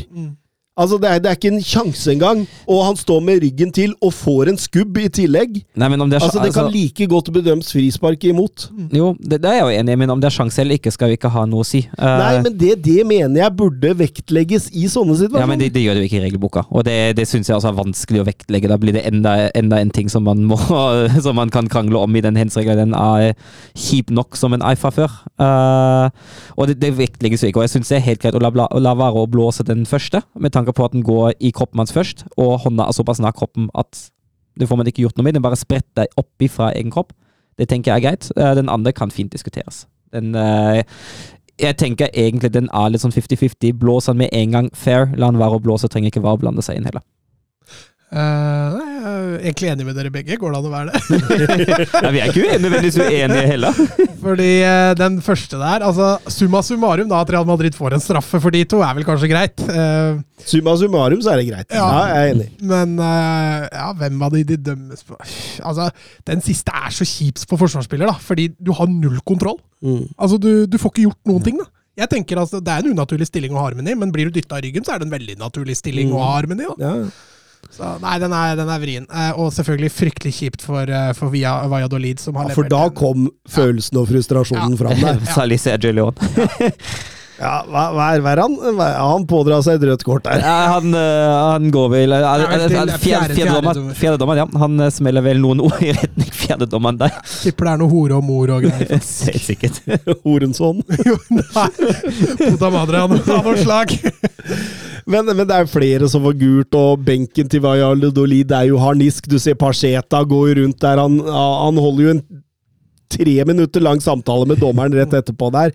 Publikum er på tæra, de piper og, og um, Nei, det, er ikke, det, er, det, blir litt sånn hatsk stemning. Ja, jeg tror de føler seg veldig urettferdig behandla. Ja, altså, altså, og så, og så tenker man altså det, er, det hadde ikke skjedd hvis det var etter 20 minutter, kanskje, fordi man har hatt Real Madrid i knestående. De har jo sjøl sett hvilken utvikling den kampen tar. At man uh, kanskje har begynt å snike seg nærmere og nærmere. En kjempeoverraskelse der. Og så føler man blir fra, ta, fratatt den ti minutter før slutt. Det er jo på den mest bitre måten det kan skje. Ja, ja. Hadde det vært 2-0 til Real Madrid når det skjedde, så hadde det jo ikke blitt i Så det har litt med, med, med omgivelsene. Så kontrer selvfølgelig Real Madrid og Benzema inn. 0-2 rett før slutt også, så Det er jo ingen tvil. eh, Benzema når 40 målpoeng i kalenderåret 2022. 32 mål og 8 assist. Det er eh, mest i La Liga, og gode tall. Mm. Ja, og med med tanke på at han også har vært ute. ja. Uh, han har jo blitt en poengkonge av et slag, Benzema. Han er både blitt litt mer tilrettelegger, men er fortsatt en uh, svært habil målskårer. Steffen Hansen. Denne Ivan Fresneda var ekstremt god. Eh, når, kom, eh, når han kom hjem, tømte han lommene sine. Der var det bilnøkler, lommeboka og Venitius junior. Hvor kom han egentlig fra? Fremtidig stjerne, eller? Ja, altså, det er en unggutt. Uh, er vel bare 18 år, tror jeg. Eh, så han eh, Han er det verdt å holde litt øya for. Er et Real Madrid-produkt, faktisk, så vidt jeg veit. ble henta til Valladolid for to eller tre sesonger siden og har spilt litt i gradene i Valladolid. Eh, virker veldig lovende. Et klassisk, eh, kanskje et Valladolid genialt Valladolid-kjøp, eh, som de kan få litt penger for. Eh, men altfor tidlig til å konkludere noe ennå med en, 18-åring. Men, men helt enig, jeg syns han eh, gjorde en veldig god figur mot Venitius, som eh, kanskje hadde litt VM-hangover også, for eh, han kan også bedre. Fin teknikk, sånn fin ro i spillet sitt. Eh, Bra tempo også, så lenge kreftene holdt. Han, eh, på kontringa 0-2 der, så ble han jo løpt fra av en uthvilt eh, Kamavinga. Du så han var sliten. Ja, Så han var i kjelleren der, men, men helt klart en imponerende spiller som det er verdt å, å følge litt med videre. Leste forresten at Dortmund kanskje kanskje har sine øyne på den. Så interessert ut, så det så jeg òg. Og de trenger en høyrebekk, dem. De trenger en høyrebekk. Barcelona Espanjol, by-derby, eller Martin Braithwaite Derby om du vil. På Spotify Camp Nos uh, siste dag i 2022, Mats. Uh, ja, du hadde det tungt med Tottenham, så var det ikke veldig mye mer lys i tunnelen for, uh, for Barcelona. Starta greit, da. Ja da, første gangen var for så vidt ok. har god kontroll på, på matchen, og når man når man i tillegg får en ja, en forholdsvis tidlig ledelse der etter svakt markeringsspill på dødball fra, fra, fra Spanjol, så tenker man jo at dette går dette går veien, men uh, Español de, uh, de veik ikke veldig mye i forhold til kampplanen sin. Altså 0-1 det var noe de åpenbart levde, levde helt greit med. Uh, det var fortsatt kontringer og aggressivt forsvarsspill som var planen. og utover i kampen så lykkes de med bare bedre og bedre. De stenger rommene sentralt. kantene til Barca som vanlig. Hver gang de kantene Shawi starter med, de er ditt svakeste. Ja. Hver gang! Hver gang. Merkelige greier. Helt utrolig at han bommer ja. Hver, hver gang bommer han! og, og, det, og det leste så, så Spanjol også har bare visst om det, at de bare la kantene få ballen. Men, men jeg begynner å se på Rafinha ja, nå, at nå begynner han å mangle selvtillit. Altså. Ja, han gjør mye dumme valg. Mm. Altså, Utfordrer førsteforsvarer med, med sikring. Skyter rett i blokk. Skyter når han kan drible, ja. og, og, og, spiller når han skal drible. Det, det, det, var ikke, det, var ikke, den uh, Rafinha man kjenner fra Leeds. Nei, og det er jo noe med altså det, er ikke, Akkurat nå er det ikke noe sluttprodukt der. Uh, det, så, men, men altså, ja. Ansu Fati er så langt unna, da. Ja, altså, han, og han, han, har jo, han, har jo, ikke hatt sluttprodukt på lenge nå. Nei, men det er klart han har slitt med skade og vil ikke operere, og, og det kan sikkert hemme litt, og bla, bla, bla. Men uh, han virker å være langt fram der vi husker han, det talentet han var. da. Og Ferran Torres får jo, ikke, får jo ikke tillit, og Dembélé kommer akkurat hjem fra VM, så han blei vel hvilt litt med, med hensikt. For det, Dembélé er vel egentlig den eneste kantspilleren som kan slå seg på brystet og si at han har levert en godkjent første mm. halvdel. Mm. Uh, og når i tillegg Lewandowski blir fullstendig usynlig i nesten 90 minutter, så, så begynner det å bli tynt offensivt. altså. Torjus Hansen sier jeg lar meg ofte imponere av Oskar Gill. Uh, hvorfor er ikke han jaktet av større klubber? Han uh, møtte jo Fati på sida der og, og, løste oppgaven veldig bra. Ja, nå har jo bekkene fått det ganske lett mot Barcelona før, men, men, jeg er helt enig. Oscar Gill har også hatt en uh, bra sesong. Uh, kom vel til Español fra Elche uh, for, forrige sesong, tror jeg. Sommeren 2020, tror jeg. Ja, forrige der igjen. Mm. relativt liten av vekst, kjapp. God med ball. nei, jeg er enig. Han kan fort bli plukka opp av litt større klubber. Jeg tror ikke det blir de helt store, men, men at han kan kan gå til en litt større klubb etter hvert. Det, det, er absolutt mulig. Et spanjollag som er mer defensivt orientert, altså er det lettere å briljere som, som defensiv spiller, selvfølgelig. Mm, mm. Utover i annen omgang så ja, er det lov å si det blir La Hoss-show? Bjørn Erik Skorge spør så blei det La Hoss-show igjen denne helgen. Hva tenker dere om dommere som skal være midtpunktet? Og Eivind Stølen han sier snakk litt om Matheo Laos. Han er jo den største klovnen i et eget sirkus. Eller er han bare genial? Nok en gang kortfest i Barcelona denne helgen. For meg er han den største klovnen i gjengsirkus. Uh, Bjørn Erik er inne på det. Ja, han er genial. uh, Bjørn Erik er inne på det. Jeg mener at de beste dommerne er de som leder en kamp med stødig hånd, og som man egentlig ikke legger voldsomt merke til, men når det først oppstår noe, at de er der og klarer å roe ned gemyttene gjerne med hjelp av kort. Det er helt greit. Det er, de, det er, det er et verktøy de har. Mm. Men de skal ikke bidra til at det blir enda mer opphissa på eller utenfor banen.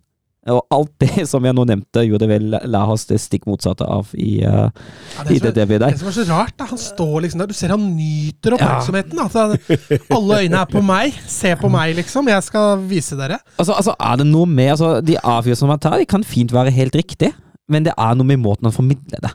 Jeg, jeg syns det er Vi var vel litt inne på det, vi snakket vel litt om det før uh, før, Mats. Du, du, bruker vel ordet nedlatende, og jeg syns det treffer ganske bra. Eller ovenfra ned. Ovenfra ovenfra ned. Ja, ja, jeg er helt enig at uh, det er liksom da det ligger, da. Mm.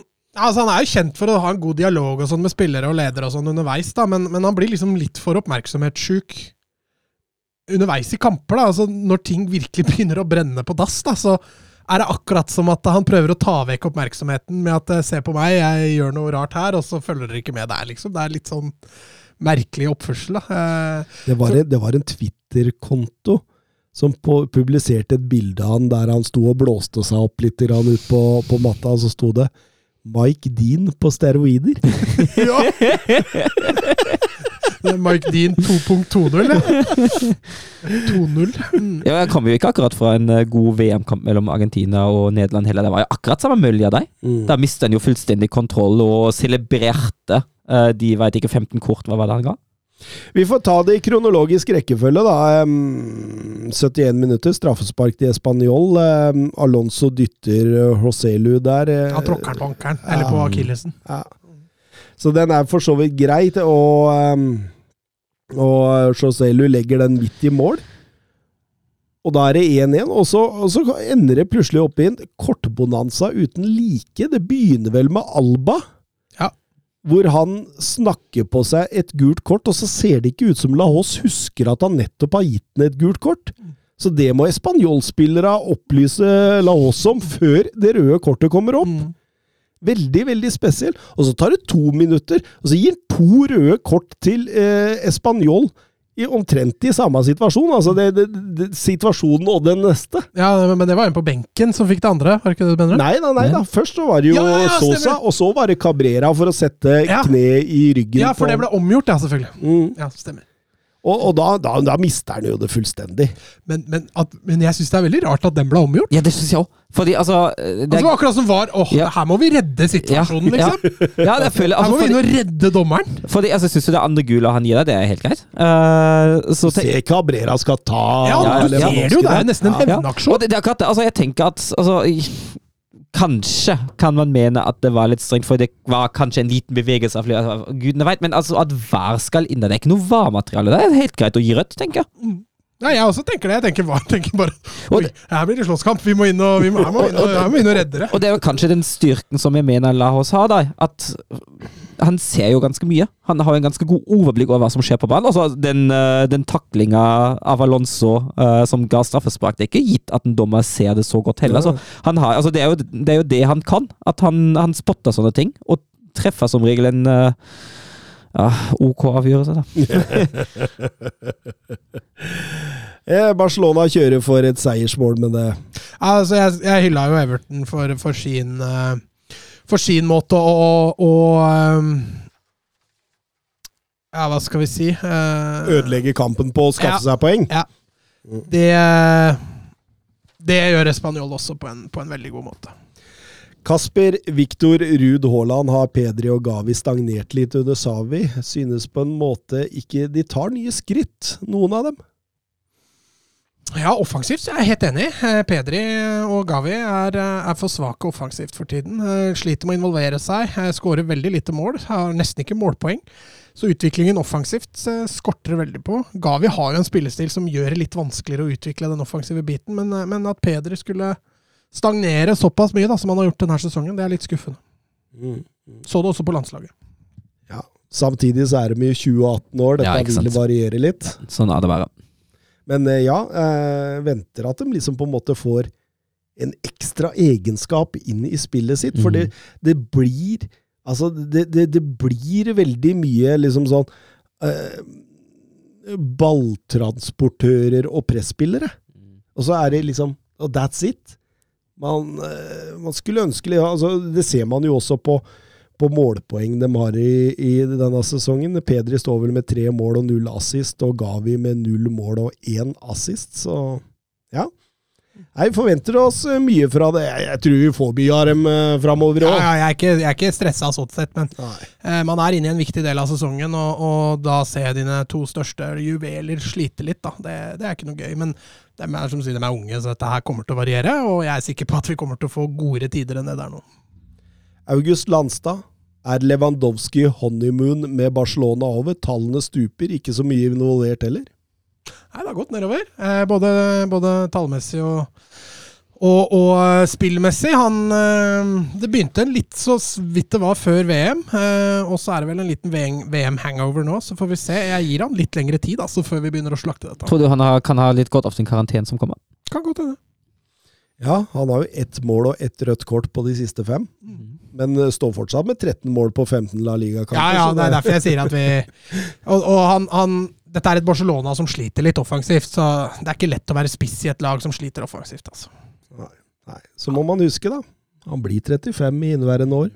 Jeg sa når de kjøpte den, etter to sesonger så kommer han til å være gull, og så kommer dette til å dabbe av. Mm. Eh, Jeg håper ikke det begynner å dabbe av ennå.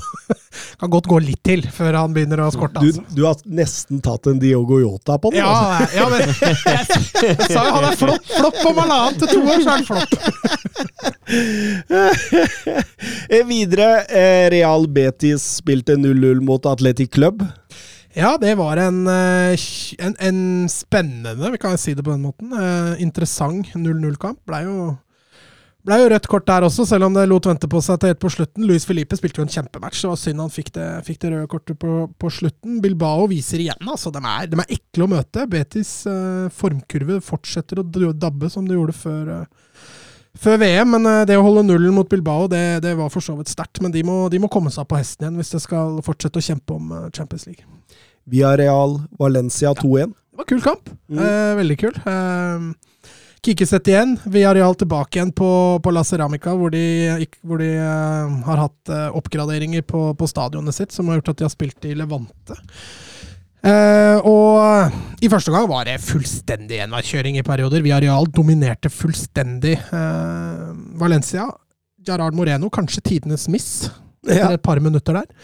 Setter han utafor fra fem meter på åpent mål. Det skal jo ikke være mulig for en spiller av hans kaliber. Eh, så er det Valencia som sjokkerer litt og, og tar ledelsen litt eh, veldig mot spillets gang. Og da får Valencia litt eh, blod på tann, men uh, Villarreal får en veldig fortjent utligning helt på slutten ved Samuel Chukwese der. Nydelig scoring. Og så er det Foyt helt på slutten av andre omgang på en dødball som uh, som fortsetter euforifølelsen fra VM og, og blir matchvinner på Han lever gode dager. så han eh, har, det- har det fint nå. Uh, han har det veldig fint nå. Uh, og Villarreal og Kikiset igjen, ikke minst, trengte virkelig den seieren her. Altså. Men det er litt skuffende allikevel. Eh, når det nærma seg slutten der, så virka det egentlig som begge lag var fornøyd med 1-1. Eh, ingen ville, gå for det. Eh, og det er litt skuffende av Villarreal, syns jeg. Men de får det på en dødball på slutten der, som, som redder dagen for, for Kikiset igjen. Og laget da som har tatt over plassen i topp fire for Sevilla foreløpig, Real Sociedad, vinner ganske greit 2-0 over Osasona med Alexander Sørloth på skåringslisten. Ja, for en scoring. Eh, for en skåring. Han blir spilt igjennom der. Eh, umiddelbart tenker man at dette er offside. Ender opp med å chippe keeperen eh, helt opp i lengste. For de som husker, jeg skal ikke ta en Messi-sammenligning her med Sørloth, men Messi hadde en lignende chip borte mot Sevilla for eh, vel snart ti år siden. Eh, litt der var det med Sørlotten. Eh, og en full fortjent seier til Sociedad. Men, men nå er jeg lytterspørsmålet jeg vil komme med til deg. Ok. Er eh, Bryce Mendes eh, årets kjøp i La Liga? Ja, men jeg hylla det kjøpet første Ja. gangen, jeg. Han er en klassespiller. altså. klassespiller. Eh, han er en klassespiller. eh, undervurdert til tider. Eh, er jo fortsatt ganske ung, så her, her har Sociedad skutt igjen en liten gullfugl. Det er ingen tvil om.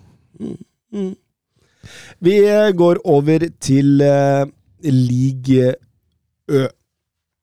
sur la frappe de Messi de, De de Mercado, Mercado, oui. Mercado, et, et là aussi on a un petit peu de réussite.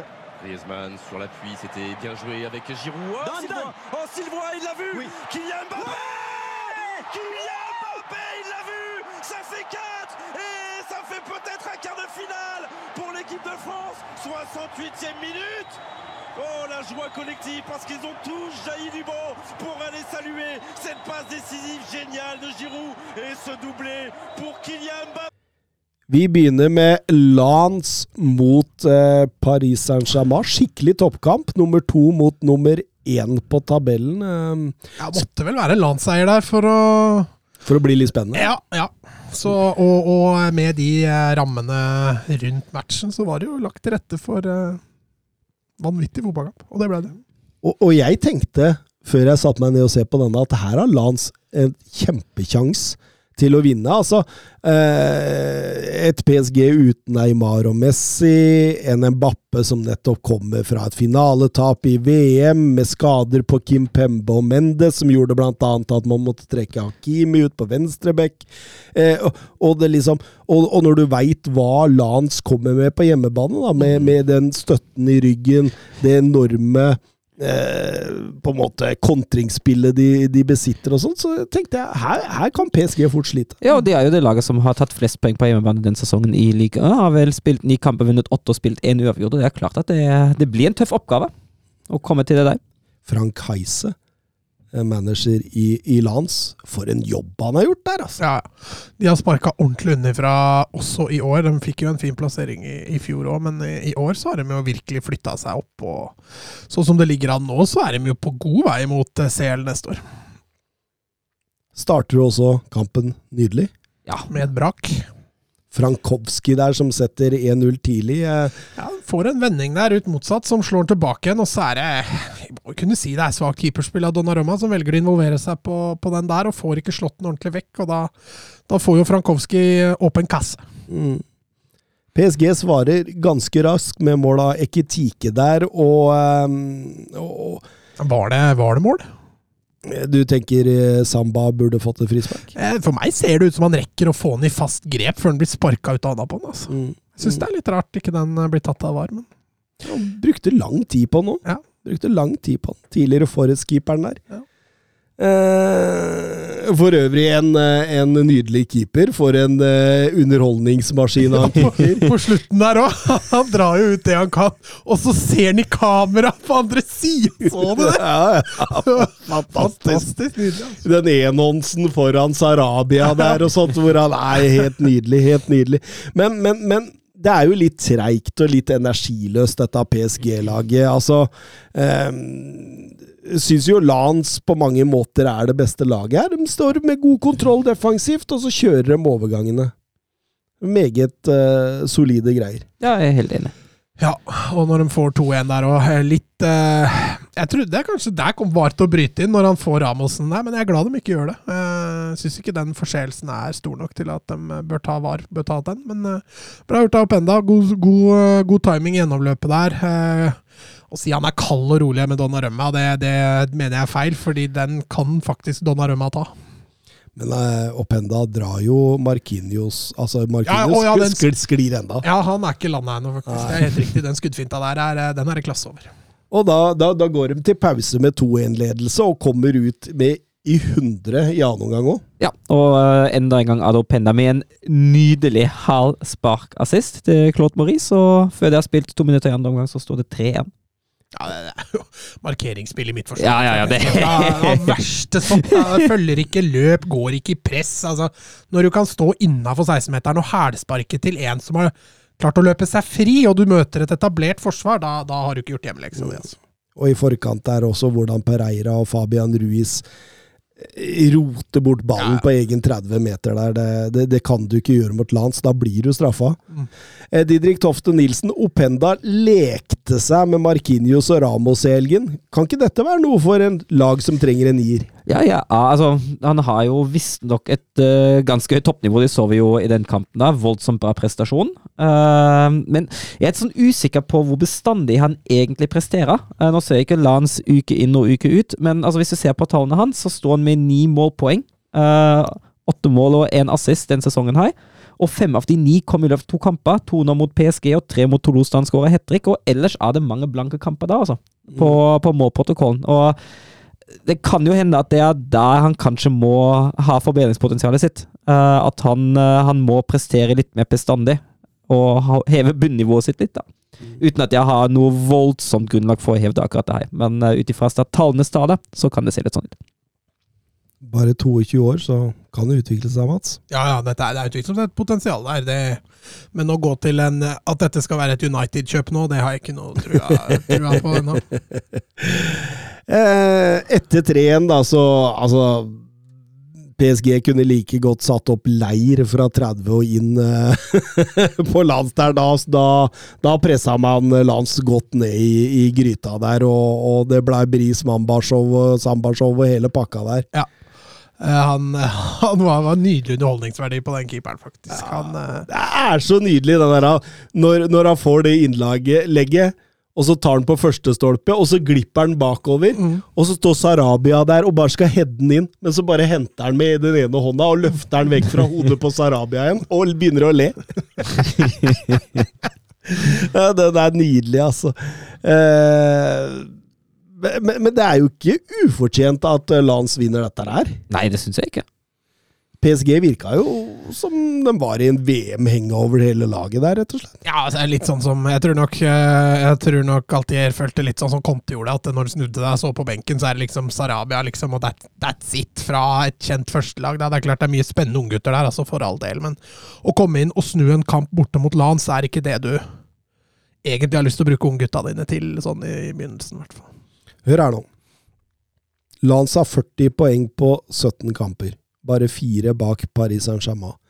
Det er det høyeste poenget summen en ligatoer har hatt etter 17 runder i Ligue Ø siden Nims i 59-60-sesongen. Det er sterke tall, altså. Det er meget sterke tall. det, det, det viser jo hvor god en sesong Lance spiller. Og så er det jo Altså øh, PSG er jo egentlig en klasse for seg, det er vi enige om, men, men Lance har denne sesongen gjort det gapet mye mindre. Det er vel er det tre eller fire poeng opp nå, og så er det jo tre eller fire poeng ned, så Lans har bare tetta den glippa, lagt seg imellom, liksom. Mm. Det er så strukturert. Mm, Det er så ja. Og så er det er så tydelig plan offensivt òg. Det er mye høy energi, høygir, kontringer, tempo. Mm.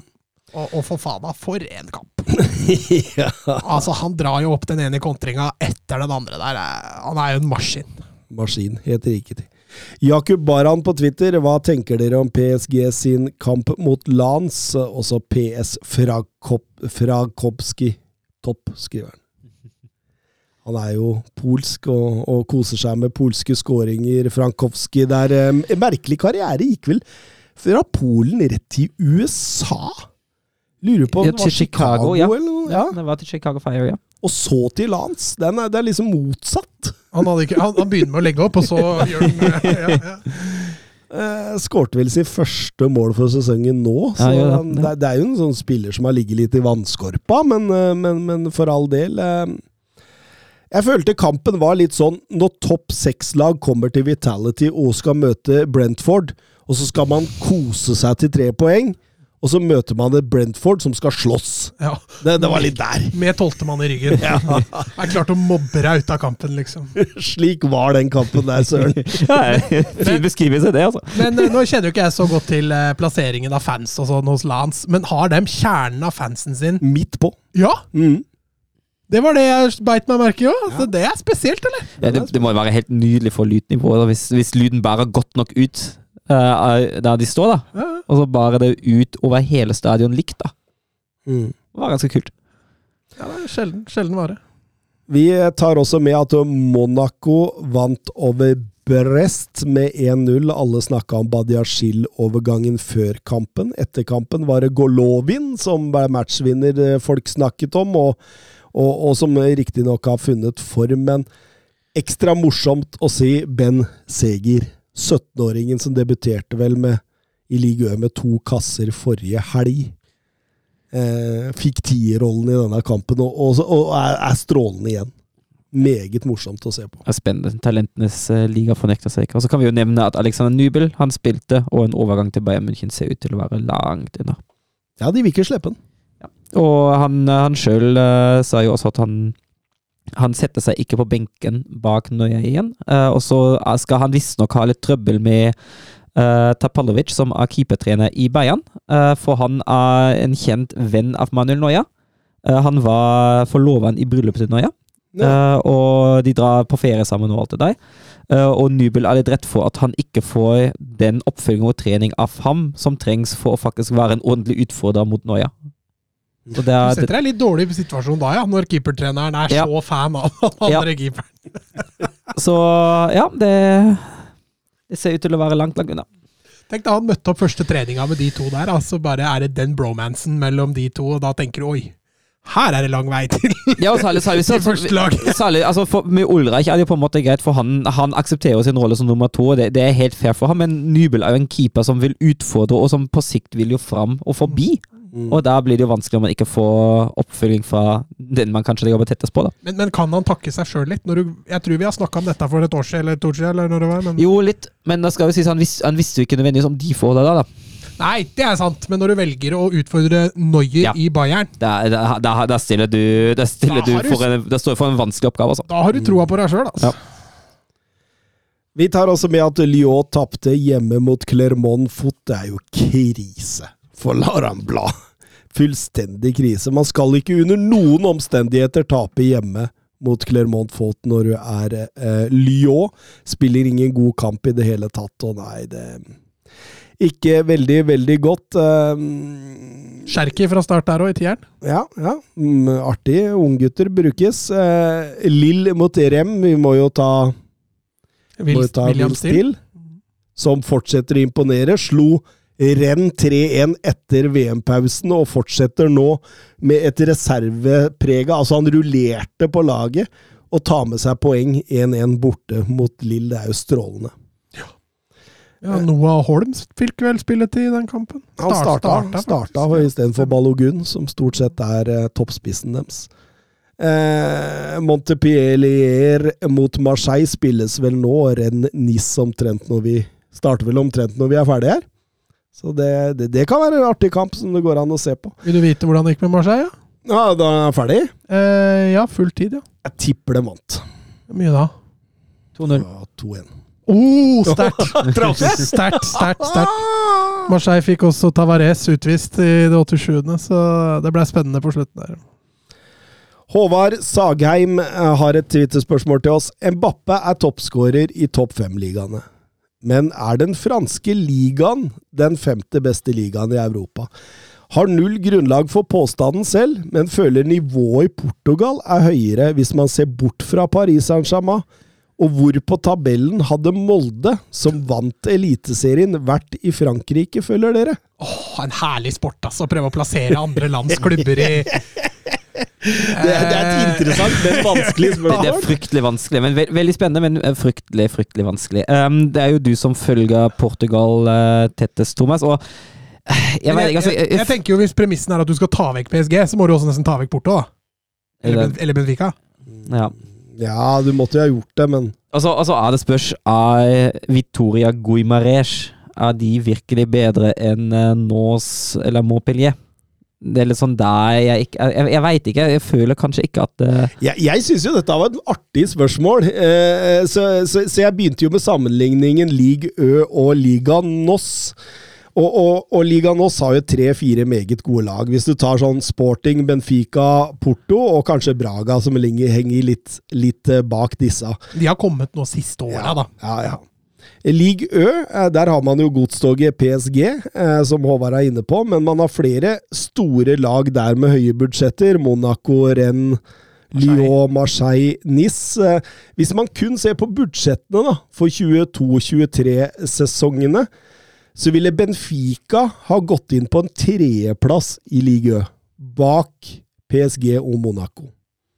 Eh, Porto ville gått inn på fjerdeplass i Ligue bak PSG, Monaco og Rennes, men rett foran Lyon.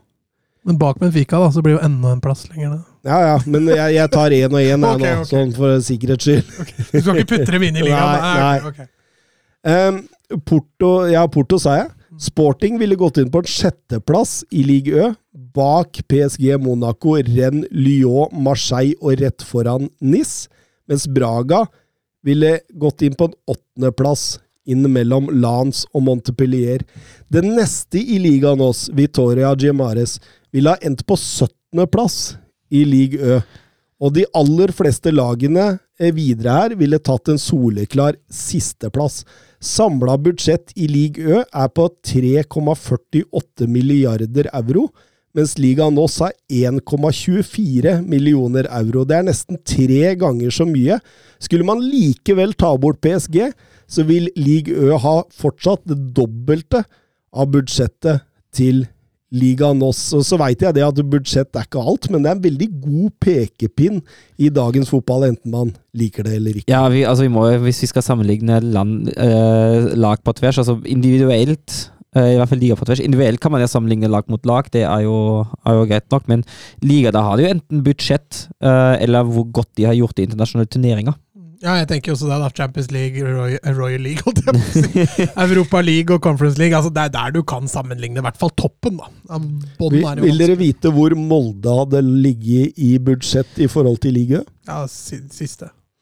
De eh, ville ha ligget omtrent som budsjettet til Ajaxiø, eh, som vi betyr en klink sisteplass, sammen med de. De er omtrent på det der. Så trolig, da, og, og, og, det er det belegg for å tro i forhold til både eh, kvalitet på troppen, bredde på troppen, budsjett og alt mulig sånt, at Molde ville nok aller helst ha kjempa på nedre halvdel av Ligue Ø. Større sjanse for ham at det gjort seg gjeldende i ligaen Moss, men, men jeg, jeg kan ikke se for meg annet enn at det har blitt nedrykkskamp for Molde i ligaen. Men ikke, ikke så langt unna at de ikke hadde vært helt sjanseløse. Nei da, nei, ikke sjanseløse. Men, men det hadde de, de eh, God sesong 10-12, dårlig sesong nedrykksstrid. Det er litt der. tror jeg. Tenk deg Molde på par til Prance. Hadde blitt, det hadde blitt fart. Nå har de ikke Fofana engang. Nei. Det var 120 millioner, da, så Men eh, League Ø, spennende. Eh, PSG 44 i toppen, Lans 40, og så er det et gap ned på Ja, nå ble det jo fire poeng da, ned til Marseille, som vant i kveld.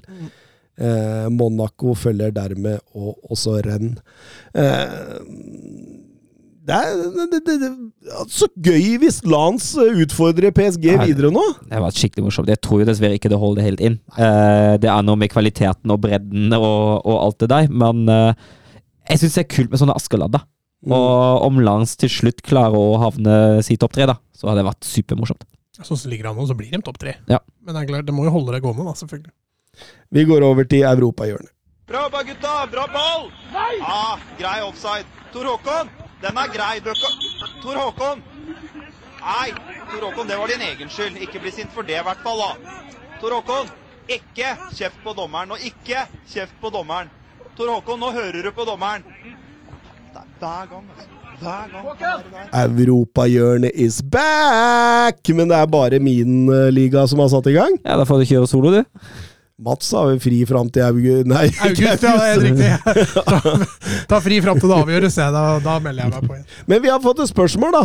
eh, Omrørende europahjørnet fra Finn Jørgen Halvorsen. Scott Parker til Klubb Brygge. Hva skjer med det?! Det er jo spennende, da. Ja. Og, kanskje litt selvfølgelig overraskende, men uh, Mest overraskende at eh, Carl Hufskins fikk sparken etter det han gjorde i Champions League. ja, ja. Det er faktisk sant. Han har jo gjort nesten rent bord. Men det er klart det at hvis, det, hvis du ikke kjemper eh, helt i toppen i Belgia, så, og heter, er Belgia og heter Klubb Brygge, så ja, det blir tøft. Fjerdeplass, tolv poeng bak Genk. Det var ikke godt nok. Da blir eh, Scott Parker ny manager og eh, skal altså forvalte talentet til Antonio Nosa. Hva tenker du om det, Søren? Det er jo spennende å se. Altså, det er jo Det er jo et skritt litt ned. Og så altså, er det jo ikke alltid at engelske managere lykkes så godt uh, ute på kontinentet. Og det blir jo spennende å se om, uh, om han kan bryte den forbannelsen eh, litt. da. Jeg husker jo vi hadde jo Steve McLaren i Wolfsburg som var en gedigen flopp. Men Steve McLaurin i Tvente, Ja, det, var, det var voldsomt bra. Ja. Samtidig, altså Belgia er ikke det høyeste nivået, så altså, det kan jo se for meg at det kan fungere, da. Og så er jo Parker en god spillerutvikler. Mm. Så for Antonio Nusa sin del, så er det ikke sikkert det er så dumt. Nei, nei, nei, det er kult. Kult. Det blir morsomt å følge med på. Um, I ligaen oss, der um, gjorde Porto rent bord Marokko. Vant eh, 5-1 med de Taremi hat trick, en knusende seier.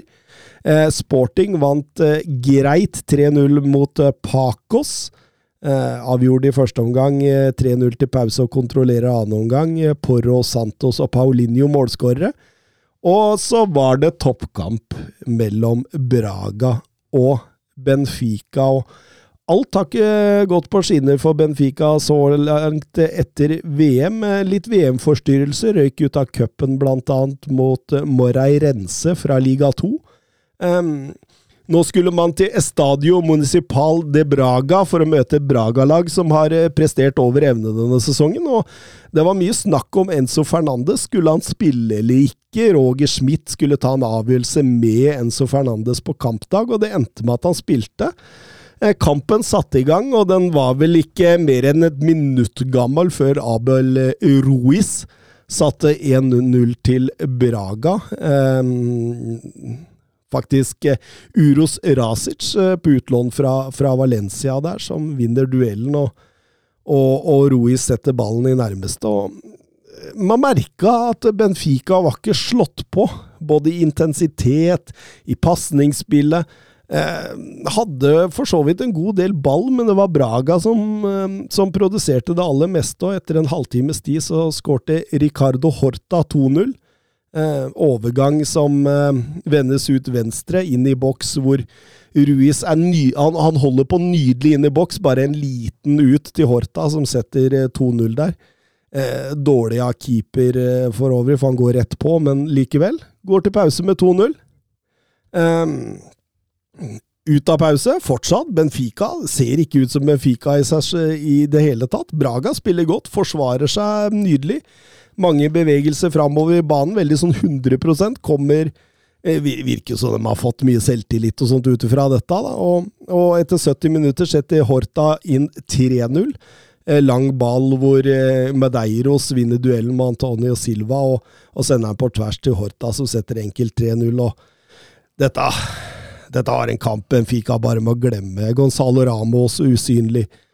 Rafa Silva Joao Mario uvanlig svake. Fredrik Aursnes totalt anonym.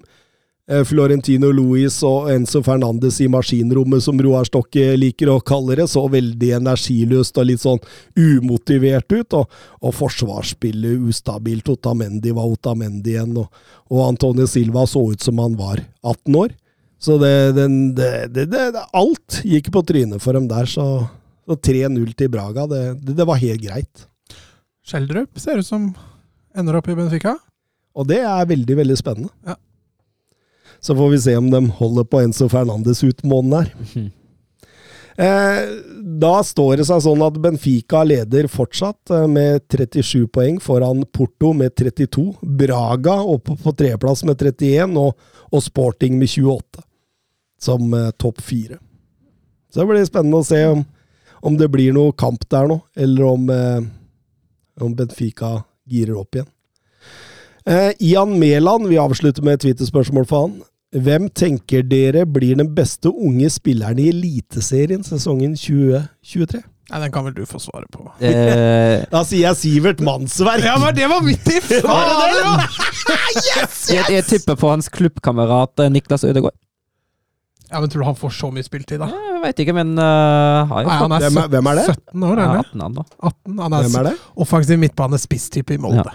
Ja, og, men han har jo, få- han har Han jo er fått veldig litt. spennende. Ja, han har fått litt, så jeg, jeg, syns Ja, Mans- men Mansvek er jo 20 allerede nå. Han har jo 21 når siste, når siste sesong er Da over. er han jo fortsatt årets Ja, unge. jeg tenker jo U21 Ja, er greit. å, Ja. å vurdere det som. Eh, Esquiledo. Ja, jeg, Jeg liker Eskelén. Spørs når han kommer tilbake fra skade. Han er jo så skadeutsatt. Det er litt synd at han eh, Og når han først blir skada, så er det skikkelig år. Ja. liksom. Det er ikke sånne småskader. Det er bare Så Esquiledo og Hedenstad er vel fortsatt Lillestrøms beste eh, alternativer. Ja, Okbo er vel for gammel for årets unge nå? Er eh, Okbo er vel 22 nå, Ja. er han ikke? Det blir Mannsverk. Elias Solberg òg. Hvis han får lov å holde seg skadefri, så er det en veldig interessant spiller. Altså. Men han også er jo veldig skadeutsatt. Bodø-Glimt har jo slutta å satse ungt. De kjøper jo bare tilbake en gammelt eh, gammel moro. Eh, Molde har vel bare mannsverk, og Breivik òg er vel forholdsvis ung. Mm. Eh, Rosenborg er vel ikke noe Ikke som jeg kom på Jo! Nei, de rykka ned, dem! Kristiansund rykka ned. Tenkte jeg skulle foreslå Max Williamsen i Kristiansund, Nei, men det er jo Obos-ligaen. Det. Nei, Mannsvegg er jo et godt tips. Det jo det. Å, så traff jeg! Det er deilig. Gleder dere til Eliteserien, eller? Ja. det gleder meg til norsk fotball er i gang. Det er vel 99 dager nå i dag Ja. til det begynner. Men jeg skal, jeg skal få med meg den bortekampen i Sogndal i cupen i mars. ja, du skal vel det. Kanskje jeg skal bli med, Ja, hvis jeg ikke har unge. ja gjør det. Det er gøy. Da blir jeg med oss. Da blir jeg med oss. gøy. Nei, jeg, jeg må kjøpe frakk da, Crocs. Det har jeg jo ikke. Nei, men hull i lomma, det har du. Ikke tenk på det. Nei. Alt som skal til. Det er alt som skal til. Frakk, crocs og hull i lomma. Eh, Nei, men eh, det er jo ikke nødvendig at vi Altså, jeg skal se Liverpool-Brentford, jeg, så det er jo ikke det er jo ikke sånn at vi trenger å sitte her utover kvelden. Nei da, vi kan ta kvelden. vi. Ha Skal det vi godt. si ha det bra? Ja, ha det. Adjø. Adjø. Messi.